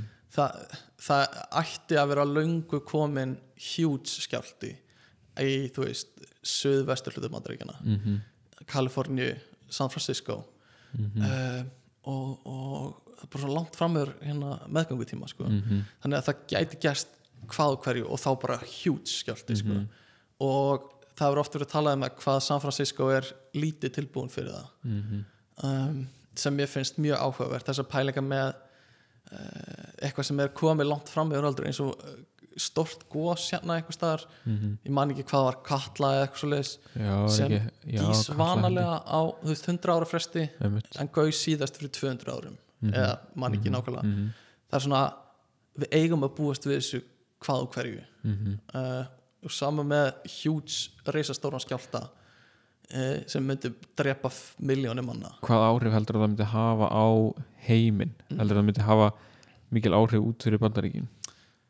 Þannig að öll svona mikið af svona tæknifyrirtækjum og, og fleira þar en þú veist, breytir það einhverju þó að höfustöðarnir er að séu þar? Uh, þú veist, myndi það nei. eitthvað stöðva þú veist jú, jú, það gæti haft einhver áhrif varandi bara ekki, ekki svona heimsbreytingar áhrif en það gæti haft alveg þú gætir alveg fundið fyrir því sko. Þú getur ekki googlað í einn dag Já, það gæti verið eitthvað svo leið en hérna og þá myndi Kína koma með sína leitavél og stinga henni inn í og ná markas yfir Já. þeim TikTok leitavílin alveg klálega sko en svona þegar þú segir að mm, get, út fyrir bandaríkin ég er ekki að sjá það sko. Eitthvað mikil áhrif meira bara svona þetta er eitthvað svona kannski einhver svona katalista einhverjum breytingum inn á bandaríkina sem maður veit ekki hvort myndi hafa áhrif út fyrir heiminn mm. bara svona í, í eh, menningunni. Mm en ekki svona stór tæknilega áhrif held ég sko. -hmm. einmitt. Hérna en svo líka þessir svona pælingar um það þú veist hvað hefur gerst í fortíðinni sem að svona mögulega hefði getað mm verið eitthvað eða sem fólk hjælt að kannski væri svona stressið sko. Já, þetta heimsenda stress hefur verið rosalega mikið sko. Og þar er kannski stærst kjarnorkustríð já, kaldastrið á kaldastriðsárunum já. klárlega. Uh, og já, náttúrulega hámarki þá er, þú veist, hún lifir alveg góðu lífi en Mhm. náttúrulega ekki næri því sama mæli. Nei, sko, en það er, já, sorry. Það er bara svo mér finnst það óþægilegt að hugsa hvað þarf lítið til. Já, ógeðslega lítið. Þetta er líka, uh, þetta væri sennilega eitt mest stúpid leið til þess að kæmi heimsendir. Vegna þess hvað þetta er mikið mannanaverk já. Eh, Og, og það þarf svo lítið til en þarf samt líka svo lítið til til þess að þetta gerist ekki eða veist, mhm. þetta er svo auðvelt að bara, veist, Mhm. sleftu þessu bara, Já, já. uh, eins og ef það væri varpað kjarnorku á, nei, sprengju á segjum bandaríkin þú veist, ekki hefnaðin væri bara það sem maður, þeir ætti að gera sko. Já, ekki njúka uh, Moskvu einmitt. Uh, eða eða hérna Norðurkóru eða eitthvað. Mm bara það væri svo miklu verra þú veist, þú ert ekki að græða því. En það er samt, þú veist, hvað ætlar þú veist, hvað ætlar að gera? Þú veist, ætlar að bara þá fara að ráðast inn bara landleiðina eða þú veist, ætlar að svara einhvern veginn hvað Já, ég veit ekki.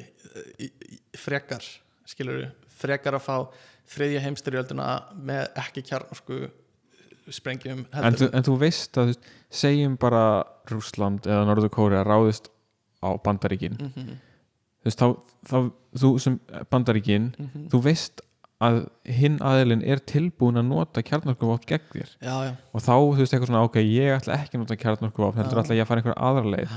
Þú veist, þá, þú veist þú veist að þeir getur þá bara haldið áfram Já, að já. njúka þig Alveg aftur og aftur, þú veist, og þú bara eitthvað, nei, ég ætla ekki. Að- alveg klálega, það að- er stúpid. En þetta er líka það er líka, það er eina eða, partur ástæðan fyrir að þetta hefur ekki gerst áður er einhvern veginn að þá átt þú sjans á að fá á þig já, sem er svo stúpid deadlock einhvern veginn að þú veist að eina sem er að halda þér frá því að njúka einhvern er að þeir gæti njúka þig já, manni finnst það svo brotætt sko. það er Já. svo ógeðslega brotættur friður uh, en það er samt það sem einhvern veginn hjælt öllu saman, eða þú veist Mhm. Já, finnst manni einmitt. og svo er sögur af einhverju svona rússin sem bjargaði heiminum Já, af því já, hann. Neitaði að skjóta eldflög þegar uh, rússar heldu að bandaríkin hefðu skotið eldflög á sig já. og hann sagði nei, ég ætla ekki að snúa leiklinum Já, þá líka hugsa maður sko þú veist, bæði það en líka bara eða, eða færi bara af stað kjarnorku stríð bara Mhm. fyrir einhver svona mistök já, bara eitthvað svona að þú helst að þú veist, þú fréttir mm -hmm. að Rússland væri búið að senda sprengju Já. þú veist, og þú, en það voru bara einhver mistök í gangi. Og það, hérna og, og, man, og mann fannst líka ég veit ekki Trump er sennilega bara jafn heimskur og allir aðrir bandaríkjaföstar eða eitthvað en mann fannst alveg svona uh, smá óþægir að hann væri með leikilin sko, hann virka alveg svona meira tilbúin Óstöðugur, já, sko. meira tilbúin að gera þetta. Ef, ef Norður hefði sendt sprengja bandaríkin þá finnst, fannst mann eins og hann hefði verið líklegri til að svara í sömu mynd Mhm. heldur en kannski einhver annar sem er ekkert endilega rétt en bara svona hann var svo óstöðugur einhvern veginn í, í fjölmjölum sko. En ég mælu með mynd, ég veit ekki, hefur þú séð hana Dr. Strangelove uh, ég fyrir löngu síðan, ég man Já. ekki ég er líka svolítið langt síðan en hún er frábærum mynd, hún einmitt fjallar um um þetta sko, hún gerist í kaldastriðinu, mm Mhm. þetta er svona þetta er grínmynd, hérna leikstýrt af Stanley Kubrick, alveg langt síðan, 60 eitthvað. Já. Eitthvað og hérna, ég held hún hafi bara fyrst, verið gerð veist, í kaldastriðinu já, hún var það. Og hérna veist, það er mitt er eh, einhverjir þú veist, bandaríkja menn einhverjir sem, svona sprengiflugvél þeir fá skilabóð frá einhverjum hershöfðingja eða eitthvað Mhm. slíkt að þeir eiga sem, að varpa kjarnokkursprengju á eitthvað skotmark í, í hérna uh, Rúslandi Já. en það var en veist, þetta var ekki ákvörðun bandaríkja stjórnar, heldur var þetta bara eitthvað svona brjálæðir hershöfðingi sem ákvaða þetta bara Ok. en, og svo er hérna bandaríkja stjórnar reyna að koma í vekk fyrir að þetta gerist og þetta er Mhm. bara grínmynd, þetta er svona farsi mm en þú veist hérna, samt frábær mynd sko -hmm. Og svona og það er svo fyndið að hérna uh, er ein ótrúlega góð lína þú veist, það sem að bandaríkja stjórn er í the war room Mhm. og það er einhverjur að slást og það og kemur einhver til þess að hérna, stöða slagsmálun og segir eitthvað svona you can't fight here, this is the war room sem er fyndið. góð lína. svona smá kaltaðin lína uh, eitt svona tengt þessu líka er hvað það var uh, einhvern veginn svona áþreymalegur ótti á, á þessum árum frá 50 til 90 kannski. Um, þú veist, grunnskólinn okkar Garðaskóli uh, sem við vorum í hann er með kjarnorku byrgi í kjallarannu sínu já, á Íslandi. Skilurðu. og hann var byggður á þessum árum. Sem sýnir bara þú veist meiri sér að Íslendingar voru bara hérna, við þurfum að undirbúa okkur fyrir möguleikan Mm uh, það er líka þyrft ekkit margar sprengjur mhm, eða það þyrft ekkit að varpa mörgum sprengjum til þess að þú veist fokka upp bara þú veist, vistkerfinu þú veist, nei. endilega að þú veist sprengjan nei, nei, eiginlega alls allt, ekki heldur bara, ekki bara lífrikið og vistkerið allt bara farið í einmitt. og, og hvað sko. hva myndi, ég veit ekki hvort þú veist með á hreinu að hvað, hvað er það við við kjarnorku sprenginguna sem þú veist, bara geislavirknin Já. mest sko að því bandaríkjaman droppuðu tveimur á Japan sko já, og þú veist, þar eru hendai og anime komið skilur hvað myndum við fá út hvað myndum við fá út úr heitli styrjöld? Uh, já, það er geislaverknin þetta var líka talað um þetta í hérna uh, Tjernobyl þáttunum. Hérna hvað það var stutt frá því að verða bara öll Evrópa hefði eðilegst þeir hefði ekki náða að koma böndum á þetta betur Akkúrat. sko. En líka sprengjunar sem að var, eða sprengjunum sem var varpað hérna í Japan held ég að hafa verið pínulitlar pínleitla með það sem að er núna sko fatboy og eitthvað pínulitlar með það sem er núna sko. en það er hérna já en það er svona uh, þú veist löndin sem eru með kjarnavopn núna eru Bandaríkin, Rússland, Bretland, Frakland Kína, Mhm. Indland uh, Pakistan og svo er talið að Ísrael og Norður Kórea já, sé með. var ekki, var, var ekki Írak mögulega með? Íran. Þeir það er alltaf, jú, það er, eða þeir eru alltaf eitthvað, alltaf eitthvað að Eitthvað að auðga eitthvað úran Já, eitthvað. að baldur en svo eru líka nokkur lönd sem að hafa verið með kjarnorkuvopn. Mm. en sem sagt hafa bara sjálf mm -hmm. ákveðið að bara útrýma þeim. Mm og það er meðal Suður-Afrika já, uh, Hvítarúsland hérna okkar vinnur þar hann hérna uh, Júkosenko já, hann Alex- sér örglega eftir því Alexi núna. Júko, já, getur en, ok, það er hægt að tala um þetta endalist ég hef svo mikið að segja uh, annað tengt svona kjarnorku úrgangi sem er svolítið áhugavert er þú veist, það tekur svo langa tíma fyrir að eyðast sem, Mhm. hérna, sem býr upp á svolítið vandamál sem að þú græfur það í jörð Mhm. og til þess að geima, eða þú veist, láta það eyðast í náttúrunni í langan, langan, langan tíma að kannski þú veist eftir tíðust ár eða hundraðust ár eða eitthvað svo leiðis þá þú veist er hægt, fólk hægt að skilja uh, ensku eða orðin sem eru notuð til þess að hérna uh, til þess að lýsa því að þarna er hættulegt efni eða eitthvað svo leiðis Mhm. uh, þannig að hver er besta leiðin til þess að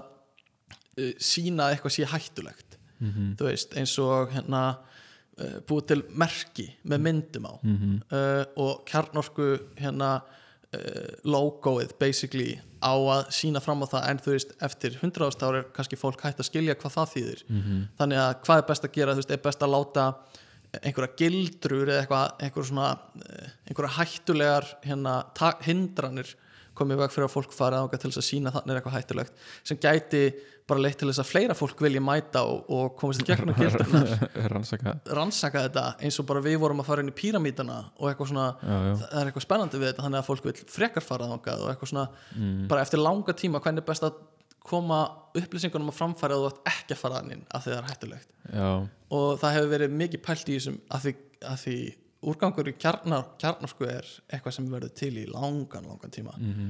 þannig að það þarf að finna eitthvað að lausna því. En uh, ef að halda áfram? Já. Það, hérna, eitt punktur. Sko, kjarnorku sprengjum mm. eða sp sprengjur hafa verið sprengdar oftar en 2000 sinnum Mhm. í einhverjum svona tilraunum. Mm mest örgulega, eða mikið í bandaríkjunum einhverju eðumörkum þar. Mhm. oft alveg, neðanjarðar eða eitthvað svo einmitt. Uh, ég sá líka að ef það er sprengt neðan sjávar uh, þá hefur það ekkert rosa mikil áhrif sko Nei. þannig að, að minni áhrif heldur en maður hefði haldið sko Mm sem er, var jákvæmt að heyra það sko -hmm. en allan, önnur svona heimsendar sem fólk hefur haldið það var náttúrulega Y2K eins og við töluðum um áðan þegar Mhm. fólk held bara all, all, öll törfukjálfi heims myndur hrinja þegar uh, þau lendu á árunnu 2000 af því þau Mhm. voru ekki forritur rétt um, það gerist ekki ég veit reyndar að það var fólk í vinnu við að uppfæra einhver stýrikerfi já, alveg bara sko kostnaðurinn mm -hmm. sem fór í það Mhm. verkefni að uppfæra all stýrikerfi öll forrið og allt rastli 300 miljardar dollara á þeim tíma sem að 2018 nú verði var 451 miljardar dollara já, sem er styrlað þetta, þetta fyrir eitthvað sem mögulega kannski veist, var óþarfi, ég veit það ekki.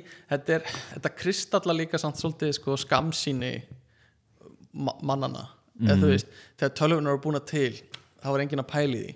Nei, en þetta var held ég eitthvað tengt þú veist, hversu marga bita tölvunar höfðu. Einmitt. Þannig að þegar þú komst upp í árið 2000 á segjum bara dagatalinu mm. þá þú veist held tölvuna að árið væri 1940 eða eitthvað? Já, eða hún gæti ekki ég held að þetta hafi verið eitthvað svona vegna þess að þú veist, ártali var bara sínt með tveimur tölustöðum. Já, já, já, þú veist, hérna, þannig að þú varst komin upp í 2000 þá gæti hún ekki greint munin á hvort það væri 1900 eða Einmitt, 2000 Einmitt. Bara, þú veist, bara að hugsa aðeins lengra fram í tíman hugsa hvað ef að tölvunni verða til uh, árið 2000 eitthvað. En líka ég held að þetta að hluta þessu sko vegna þess að eftir 1931 já, að þá sagt, þá gastu bara tekið fyrstu tvo tölustafina á ártalinu burt Já. og þú varst ekki lengur gastu ekki haldið að það væri dagsetning þú veist, ef þú varst bara með 31 Mhm. þá mögulega gæti þetta verið sem sagt, þú veist, 31. Má- eitthvað í mánuði en eftir 31 þá bara gastu verið vissum að 32, 3 og upp í 99 já, var í þú veist þetta var bara ár þannig að það bara ok, höfum þetta bara svona. Já, og, en þú veist, svo já, einmitt, skamsýni einhvern veginn bara, einmitt, stúpid. En um, En það, voru, það voru hérna já, kannski sumir sem að halda að það hefði aldrei orðið vandamál. Eða, og, eða það hefði verið það lítið vandamál að þú hefði bara getað lagfært það, þú veist, þá.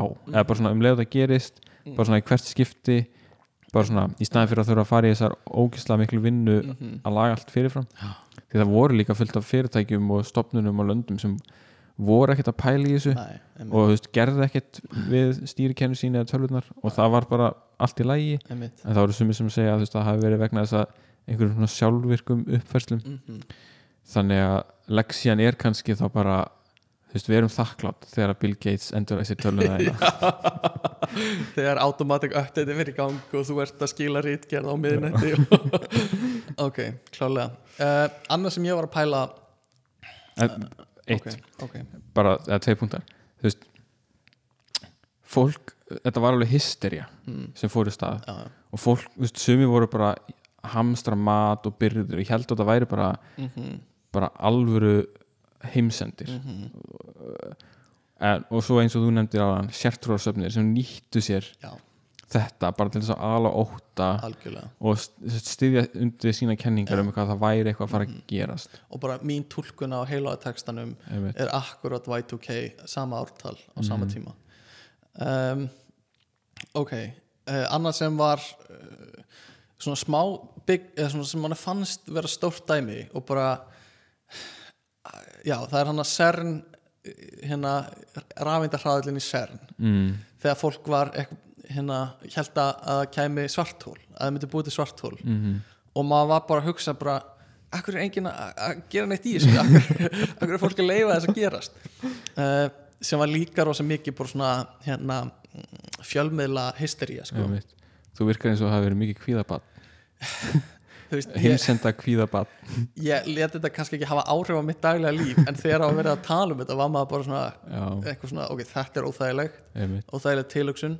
Uh, hvað það kemur svartól í Sviss og byrjar að gleipa allt skilur uh, og já ég bara, ég held ég hafi verið í lífsleikni tíma þegar þetta átti að fara að keira þetta af stað sko já, já, og maður var bara bíðandi bara með, bara með lófun á borðinu bara ok, annarkvort er heimurinn að fara að enda núna eða, eða ekkert að fara að Einmitt. Þetta minnir mig svo smá á þegar ég hérna þú veist, það er astnalega stöð en þú veist, fyrir nokkrum árum þegar það var alveg svona svolítið mikið tensjón á milli Norður Kóri og Bandaríkjana mm -hmm. og það virkaði smá eins og þú veist, Norður Kóri að væri að hóta Bandaríkjana með einhverju svona eldflög, nei, hérna, kjarnmörguvopnum já, og þú veist, ég var að fara til Washington já, bara þarna akkurat þessum tíma. Og þú veist, þetta var ekkit mi- stór hugsun, en maður hugsaði samt alveg, ok, ég er að fara til Washington mm þar sem að, þú veist, höfuborgin þar sem að þingið, fórsýtnu og allt, allt er. Veist, og það var svona akkurat þeim tím, tímapunkti. Og maður svona, þú veist, þessi hugsun var Já, alveg þarna, bara svona, ok, ætti ég að en svo, þú veist, maður fór bara auðvitað gerist ekki en, þú veist, þetta er svona óröggrætt en samt veginn röggrætt Mhm. hugsun, sko. Einmitt. Uh, já, það var þetta og ég veit ekki, svo hafa verið alls konar svona eins og við tölum með máðan 2012 þegar Mhm. dagatali hjá mæjum var að enda það er líka mjög stúpid. Uh, að mæjarnir hafi vitað eitthvað og líka svo típist þetta að þegar þetta, það gerist ekki 2012 uh, að þá var já, dagatali var túlka vitlaust það var ekki þá sko. En þú veist, líka þú veist, af hverju, veist, auðvitað þarf dagatalið einhvers staðar að enda. Já, og mér finnst bara mjög magnaðir hafa komist upp í 2012 ef við gerðum það. Þetta var, eitthvað svona 5000 ára dagatal. Mm. þetta var örgulega svona einhver veist, einhver, einhver svona einhver vinnustöð þar sem að yfirmaðurinn leta einhvern fá eitthvað verkefni já, gerðu þetta dagatal bara mm og farðu bara eins langt með það og getur. Og svo bara kíkir inn, já, já, hvernig, hvernig gengur dagatali já, ég komin upp í 2012 Alveg, ok, stopp. Stopp, stopp, stopp nú. Já, klálega sko. Um, Já, sko. En það er enda með það, það er svo fyndi hvernig það varð ógeðslega stórt dæmi því að allir fræðimenn mm vísuðu því á bug. Já, þú veist, það var þú veist, sama hvort þú vart hérna einhver svona fordlega fræðingur sem var uh, að stúdra mæja eða Mhm. þú veist, einhverju voru með kenningar um að eru þið einhverju svona þú veist, eitthvað svartóli miðju sólkerfi sem myndi gleipa okkur eða eitthvað slíkt þú veist, allir stjörnufræðingar Mhm. eða stjörnælisfræðingar voru bara neini, það er ekki að fara að Mhm. gerast en samt einhvern veginn Já. var hægt að fjölmiðla fárið. Mér fannst, sko, mín túlkun á þessu frá fjölmiðlum á eins og CERN rafmyndarhæðlunum var, þú veist var einhvern veginn, þú veist allir eðlisfræðingar sem vinna þessu og eru sérfræðingar uh, segja að þessu nánast engar líkur á þessu. Mm, þú veist ná, bara svona basically segja að þetta er ekki fara að já. gerast. En samt orðið, einhvern veginn að fjölmiðla túlkuðu orðið þeirra þannig að það var nánast en það er líka vegna þess að þú veist, vísindamenn vilja alltaf einhvern veginn vera með vaði fyrir neðan sig. Já, eða þú veist, þeir segja allt veist, þegar vísindamenn segir eitthvað svona já, þetta er mjög ólíklegt. Að þú veist, þá þýðir það ótrúlega ólíklegt sko. sem var, já, samt bara mjög fyndin eitthvað svona að fólk var bara svo er möguleiki. Það er möguleiki á þessu. Og, og fjölmiðlan alltaf þetta, kli, fólk klikkar fólk klikkar á þetta, klikk, klikk, klikk. Já. þannig að kemur ekki þannig séu óvart. Um, Ert þú með fleiri hana? Uh, nei, það er enda bara eitt með þetta hérna, með þessa mæja Já. sem að ég sá. Einhverju voru með þá kenningu að sem sagt atburðurinn sem ætti að gerast þannig að 21. desember 2012 já, væri árekstur. Að jörðin myndi rekast á einhverja einhverja svona, svona tilbúna plánetu já, sem hétt Nibiru. Ok. Og það var bara einhver kona sem bara, Bjóða til. bara bjóð til þessa kenningu. Örgulega með eitthvað svona og þetta væri einhver einhver hérna já, þú veist hérna já, bara einhver pláneta sem myndi bara byrtast einhvern veginn upp úr þurru. Mhm, og fyrst áttu þetta að gerast 2003 og svo náttúrulega þetta gerist ekki 2003 en það er náttúrulega grípum bara næstu dag hvernig 2012 2012, ó, ok, það hendar Já, Passa fyrir mæjana, passa fyrir mig. Og hérna þetta er, þetta er allt jafn stúpid finnst mér. Uh, En það er alltaf eins og segir Svona aftan í hausnum á manni er alltaf eitthvað svona Það er möguleiki, hvað ef um, svo Sko- kom einhver og sagði að þetta gerist 2003. september 2017 Já. En já, sá það ekki gerast. Uh, sko við vorum með ég veit ekki hvað við fyrir mikið onni það en þú veist rosa klassíst pælingar er svona zombie apocalypse dót sko. Uh, við höfum eitt heilu sumri í úlingavinninni bara í að tala um hvernig við myndum díla við eh, uppvakninga heimsendi sko. Kannast ekki við þetta. Ég, var- ég var ekki þarna sko. Já, og uh, myndi maður ekki bara reyna að flýja út á land eða eitthvað svoleiðis hérna á Íslandi? Það er tægilegt að vera eigi sko. Út á land eða upp á hálendi upp að, já, út á land sko. uh, ef, ef það myndi allt, allir verða zombíar allt í einu. Um, góða við að vera á Íslandi er að við eigum mögulegan möguleika á að útrýma þeim þú veist. Uh, þetta er ekki það mikið. Segjum að það séu þú veist 300, nei segjum að það séu 1000 manns eftir uh, þá þarf bara hver og einn að drepa 300 zombía skilur við sem er alveg svolítið já, mikið. já, en þú veist, ok, segjum að það séu kannski uh, 3000 manns eftir. Það er bara 100 zombíar mann skilur uh, þannig að þú veist þetta er ekki jafn þú að ógerlegt tala um að drepa hundra mannesku ég meina yfir langan tíma. Uh, þannig að, kostur við að vera í Íslandi einhverjir sennilega. Þú getur, þú veist með líka orku sem þú getur hérna notað ekki tengt kjarnorku eða oljuframleyslu eða eitthvað svoleiðis. Mm og hérna já, bara komast út á land og, og einhvern bóndabæi eða eitthvað held ég en þú veist, hvað meinar með að þú sért með orku, það tala um raforku og hita, hita, hita veitur ég meina, en það þarf náttúrulega einhver að halda við þessum innviðum. já, já, klálega. Eh, en eins og eins og afi minn var með sko rafstöð á bóndabænu sínu já, skilur sem hann bjó bara til sjálfur. Mm sem er náttúrulega ekkit hafa ekkit allir færi á því. En veist, það er alveg möguleikin á því skilur Mhm. að, hérna framleiða það sko. Um, þannig að zombie apocalypse er eitthvað sem við hefðum getað taklað en ég ætla að skauta hans yfir það. Sko, þá erum við með uh, hvað getum gert til að koma í vekk fyrir heimsendi? Smá boring. Uh, við gætum reynda að bjarga þessari plánundu frá hérna uh, hamfara hlínun Mhm. eða við getum fundið nýja plánundu og það, veist, það bendir allt til þess að ef að mannkynnið ætlar að lifa af einhvers konar útrýmingu á, á, á einhverju gefnum tíma þá þurfum við að komast á aðra plánundu og við þurfum að, að hérna færa okkur yfir í annað sólkerfi. En gæti ekki verið að mannkinni nái bara einhver svona jafnvægi í fjölda? Jú, jú.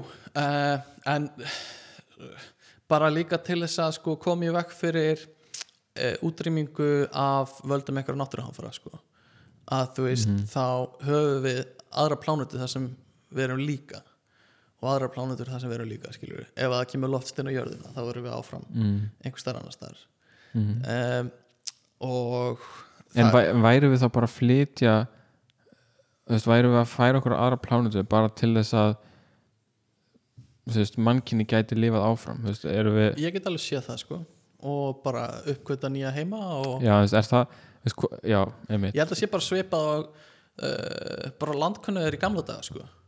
Uh, það var ekki endilega eitthvað svona að spá þurfti meira landsvæði Nei. fyrir fólki sitt, var bara að uppkvita nýja heima Einmitt. og dreifa sér og veist, ég, ég skil það alveg að, að það sé hugmyndi með því að veist, finna aðra plánundur og Mhm. mögulega setjast að og eitthvað svona. En ekki endilega til þess að veist, eigi einhvern varaforða af mannkinni þar ef að hitt veist, því að það er ekki það sem spánur voru að gera þegar þeir fóru til nei, nei, Ameríku veist, ef að ég- spát myndi eigðast þá eigum við fólk þarna líka ég held samt að það þyrfti að vera partur af pælingunni ef við erum að hugsa langt fram í tíman sko. að, að til þess að mannkinni eigi meiri svona möguleika að endast að, að þú veist bara diversify your portfolio sko. bara Já. fjárfæsti á fleiri stöðum sko. Já, ég er bara einhvern veginn veit ekki alveg hvort það sé þannig sem að ég held ekki að það sé kannski svona megin hugsunin en ég held að það þurfa að vera partur af pælingunni bara til mjög langstíma litið sko. já, einmitt. Eða þetta er ein, ein partur af pælingunni. Um, ok og svo var ég með bara varst þú með eitthvað meira hana sem þú vilt pæla tala um? Uh, Já, sko þú ert náttúrulega að, hérna, að, ef, við, ef við ætlum að stoppa loftslagsbreytingar þá náttúrulega kallar það á einhverja breytingu í hvernig við hugsum um og framleiðum orku. Já. Því að einhvern veginn öll vandamál heimsins mm er hægt að sjóða niður í einhvers konar orku vandamál bara, þú veist, hvað er orka Já. og það og vatn finnst mér einhvern veginn. En það, málið er að sko ef þú væri með einhvern veginn gætir framleitt þú veist, óendanlega mikið orku já, eða þú veist, því sem næst þá getur þú framleitt vatn já, já, ég skil mennar þannig að veist, það er einhvern veginn líka sama vandamáli næstum því sko. Ok, ef þú- re- reyndar eh, er líka pæling um þú veist að jarðvegurinn eh, verði ólífvæn til ræktunar sko. Að, að það geti orðið vandamál já, sem er það ótengt orku líka. En, en já, mögulega ótengt orku. En mögulega tengt orku vegna þess að ef þú ert með óendanlega mikla orku Mhm. að þá getur þú bara þú veist, breytt einmitt, það geti verið. Uh, sko óendalega orka. Fólk er að tala um oft uh, eitthvað sem heitir cold fusion. Já, eða bara fusion. Eða fusion já, það sem basically eh, gera það sem er í gangi í sólinni. Mm uh, og reyna að nýta orkuna þaðan. Hinga til hefur ekki hefur ekki gengið en en það eru samt miklar rannsóknir í það gangi eru mikla rannsóknir í gangi það, þar. það er alltaf, alltaf sagt sko já, það eru 50 ár. Já, og þú veist, það var sagt fyrir 50 árum síðan Einmitt, og það er sagt ennþá núna. Þetta er sama með sjálfkjörndi bíla, það er alltaf fimm ári þá. En, en það er alveg, ef það verður að veruleika mm að þú veist, þá, þá erum við að tala um já, óendanlega miklu orku. Já, veist, þá, er, þá getur við notað sjóin Mhm. sem orkugjafa. Já, einmitt.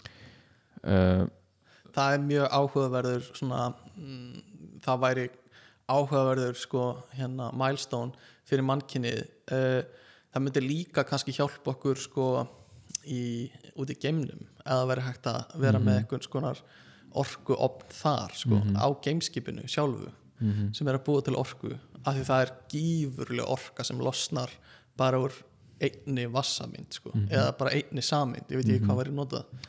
Einmitt. Það er hérna það sem þeir nota er held ég sko þú veist, þungt vatn eða eitthvað svo sem er veist, vatn sem er með hérna, vetnisatóm með einni nifteind eða eitthvað, slíkt. Mm -hmm. eða sagt, með herri samsæta. Uh, og veist, í sjónum þó, veist, þó að þungt vatn sé ótrúlega lágt hlutfall af vatni mhm. að þá er samt, eða bara í sjónum er það samt ótrúlega mikið. Já, veist, vegna þess að það er bara ótrúlega mikið að sjó og þú færð svo ótrúlega mikla orku út úr því.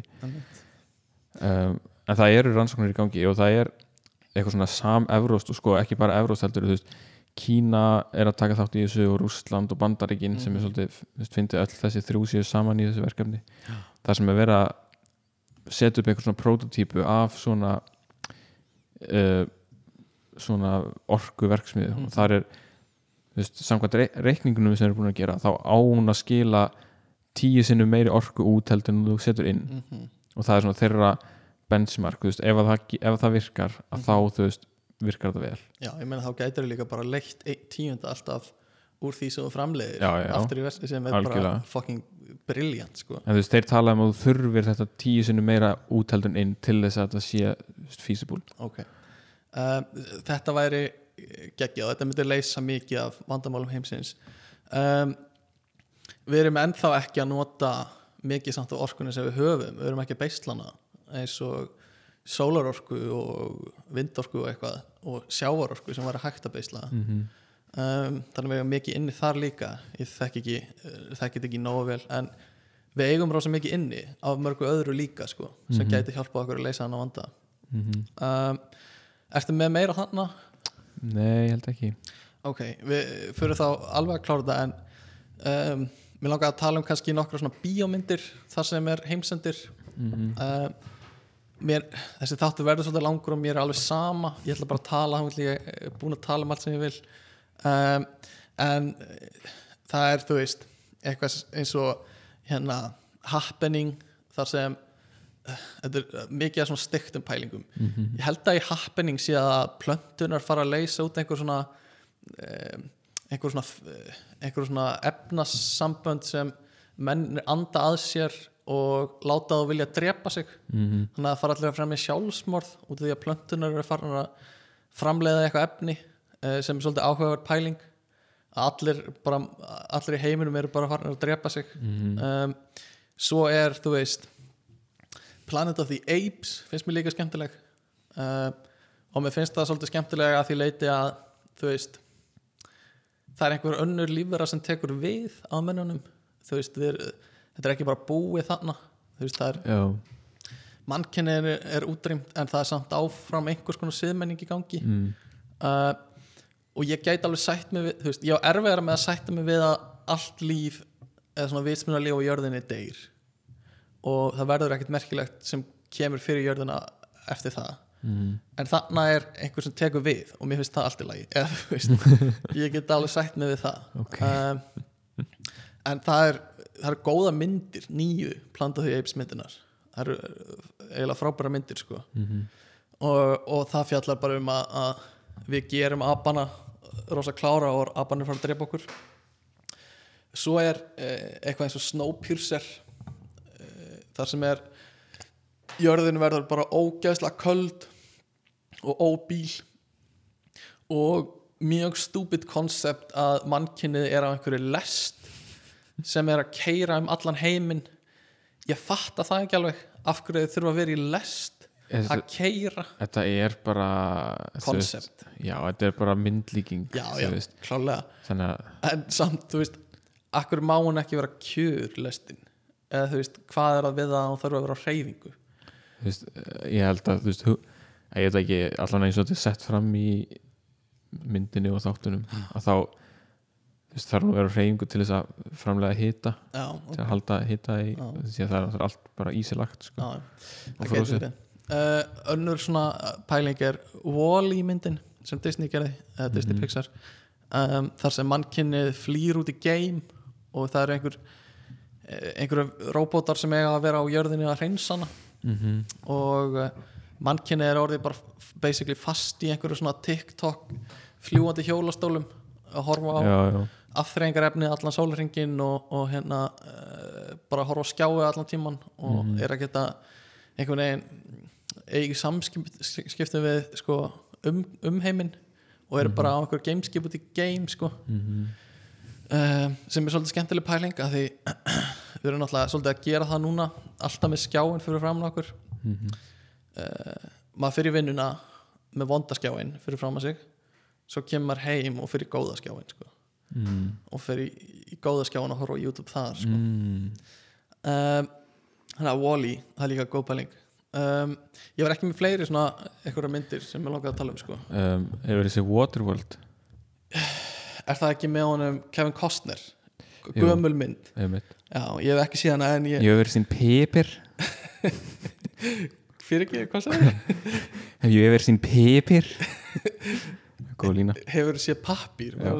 þar var bara pappír ah, uh, munarvara mm, eða þú veist, e, veist ekki endilega munarvara heldur bara veist, uh, já, ótrúlega mikil svirði mm, uh, því að náttúrulega veist, þar sem að, allt er vatn eða yfirbúr sjáar er búið að hækka. Mm, það er mikið að það er búið allir bara að einhverjum svona vatnaþorpum sko, einhverjum svona fljótandi flegum sko. Já.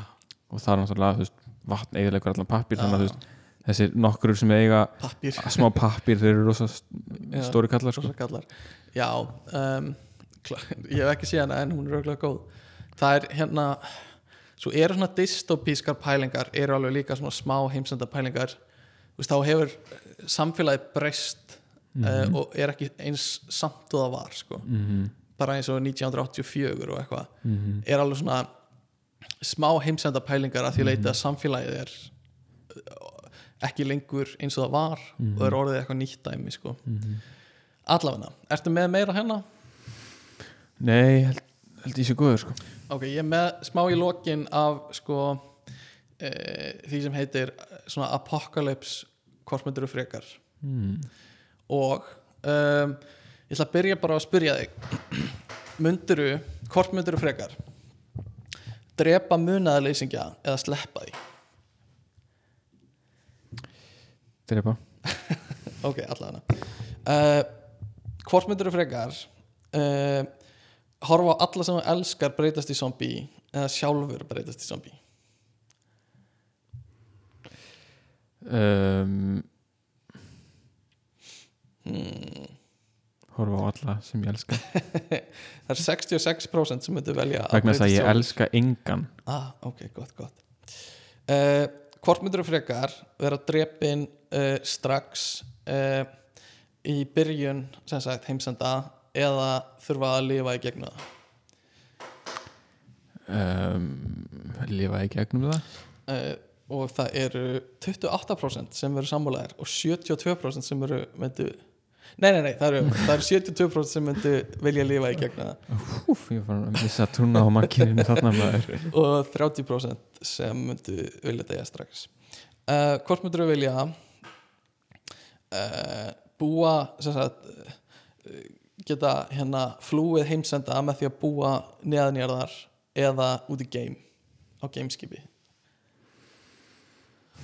Jafn stórt svæði sem ég hef til umræða. Já, ég býst nú við því, svona cirka en sennilega þú ert á gameskipi þá hefur einhverja meiri tækni gríðar ráð fyrir. En þú býrð samt í einhverju algjörlega svona uh, artificial umhverfi sko. Mm -hmm. um, Örgulega frekar út í game út í game uh, það, ú, þetta er akkurat þetta er, vá, þetta er magna þetta er eiginlega akkurat 50-50 En þetta er einhvern veginn sami valkosturinn. Já, þetta er samt sko þetta er svolítið, þetta er magna hvað þetta er mjög, já, þetta er sko 63.000 sem segja út í game og 62.000 sem segja uh, neðanýrar það er mjög svona nákvæmt 50-50 mm -hmm.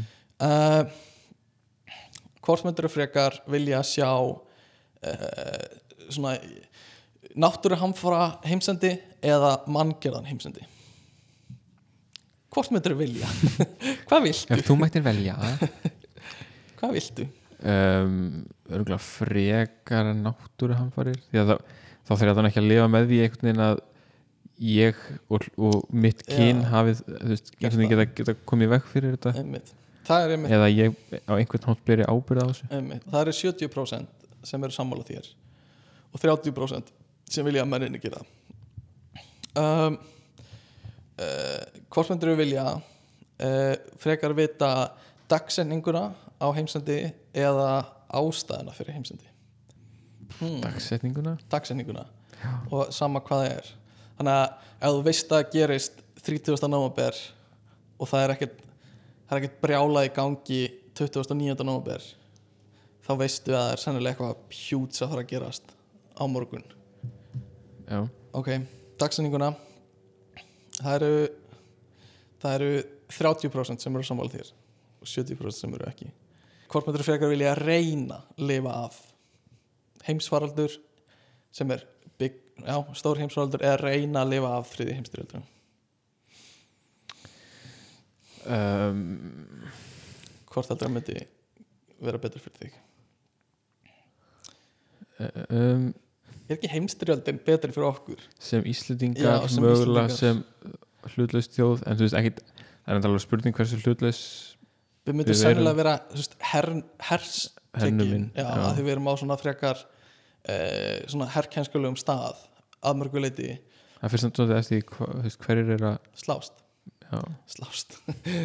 Hver eru barða uh, ég, held samt að uh, en það er það spurning sko hvort að það væri herskild að setja á okkur af drottnurum okkar. Mm, að bandar ekki að menn myndi bara ok allir yfir átjón undir 45 þurfa að koma í herin okkur mm gæti alveg gerst. Já, emitt alveg möguleiki. Hvað segirðu? uh, já, ég held að það mm, sem einstaklingur kannski frekar heimstyröldina já, en sem hluti af mannkinni líklega frekar uh, sjúkdóminn. Aha, ég myndi ég myndi þetta í báðan tölukum velja heimstyrjöldin ég held bara heimstyrjöld einhvern veginn, veist, ef þú gefur þér að jafnmargir degi, Mhm. jafnmargir þjáist Já. einhvern veginn, þá held ég að sjúkdómurinn sé betri. Ok um, það eru þegar líka ef sjúkdómurinn herjar á allan heiminn mm að þá einhvern veginn þjappar hann heiminum saman. Á meðan að stríðsátök meira rífan í sundur. Geti verið, það geti verið. Það eru 60% sem myndi vilja reyna að komast að gera stríðu og 40% heimsvaraldurinn og síðasta spurning hvort myndir uh,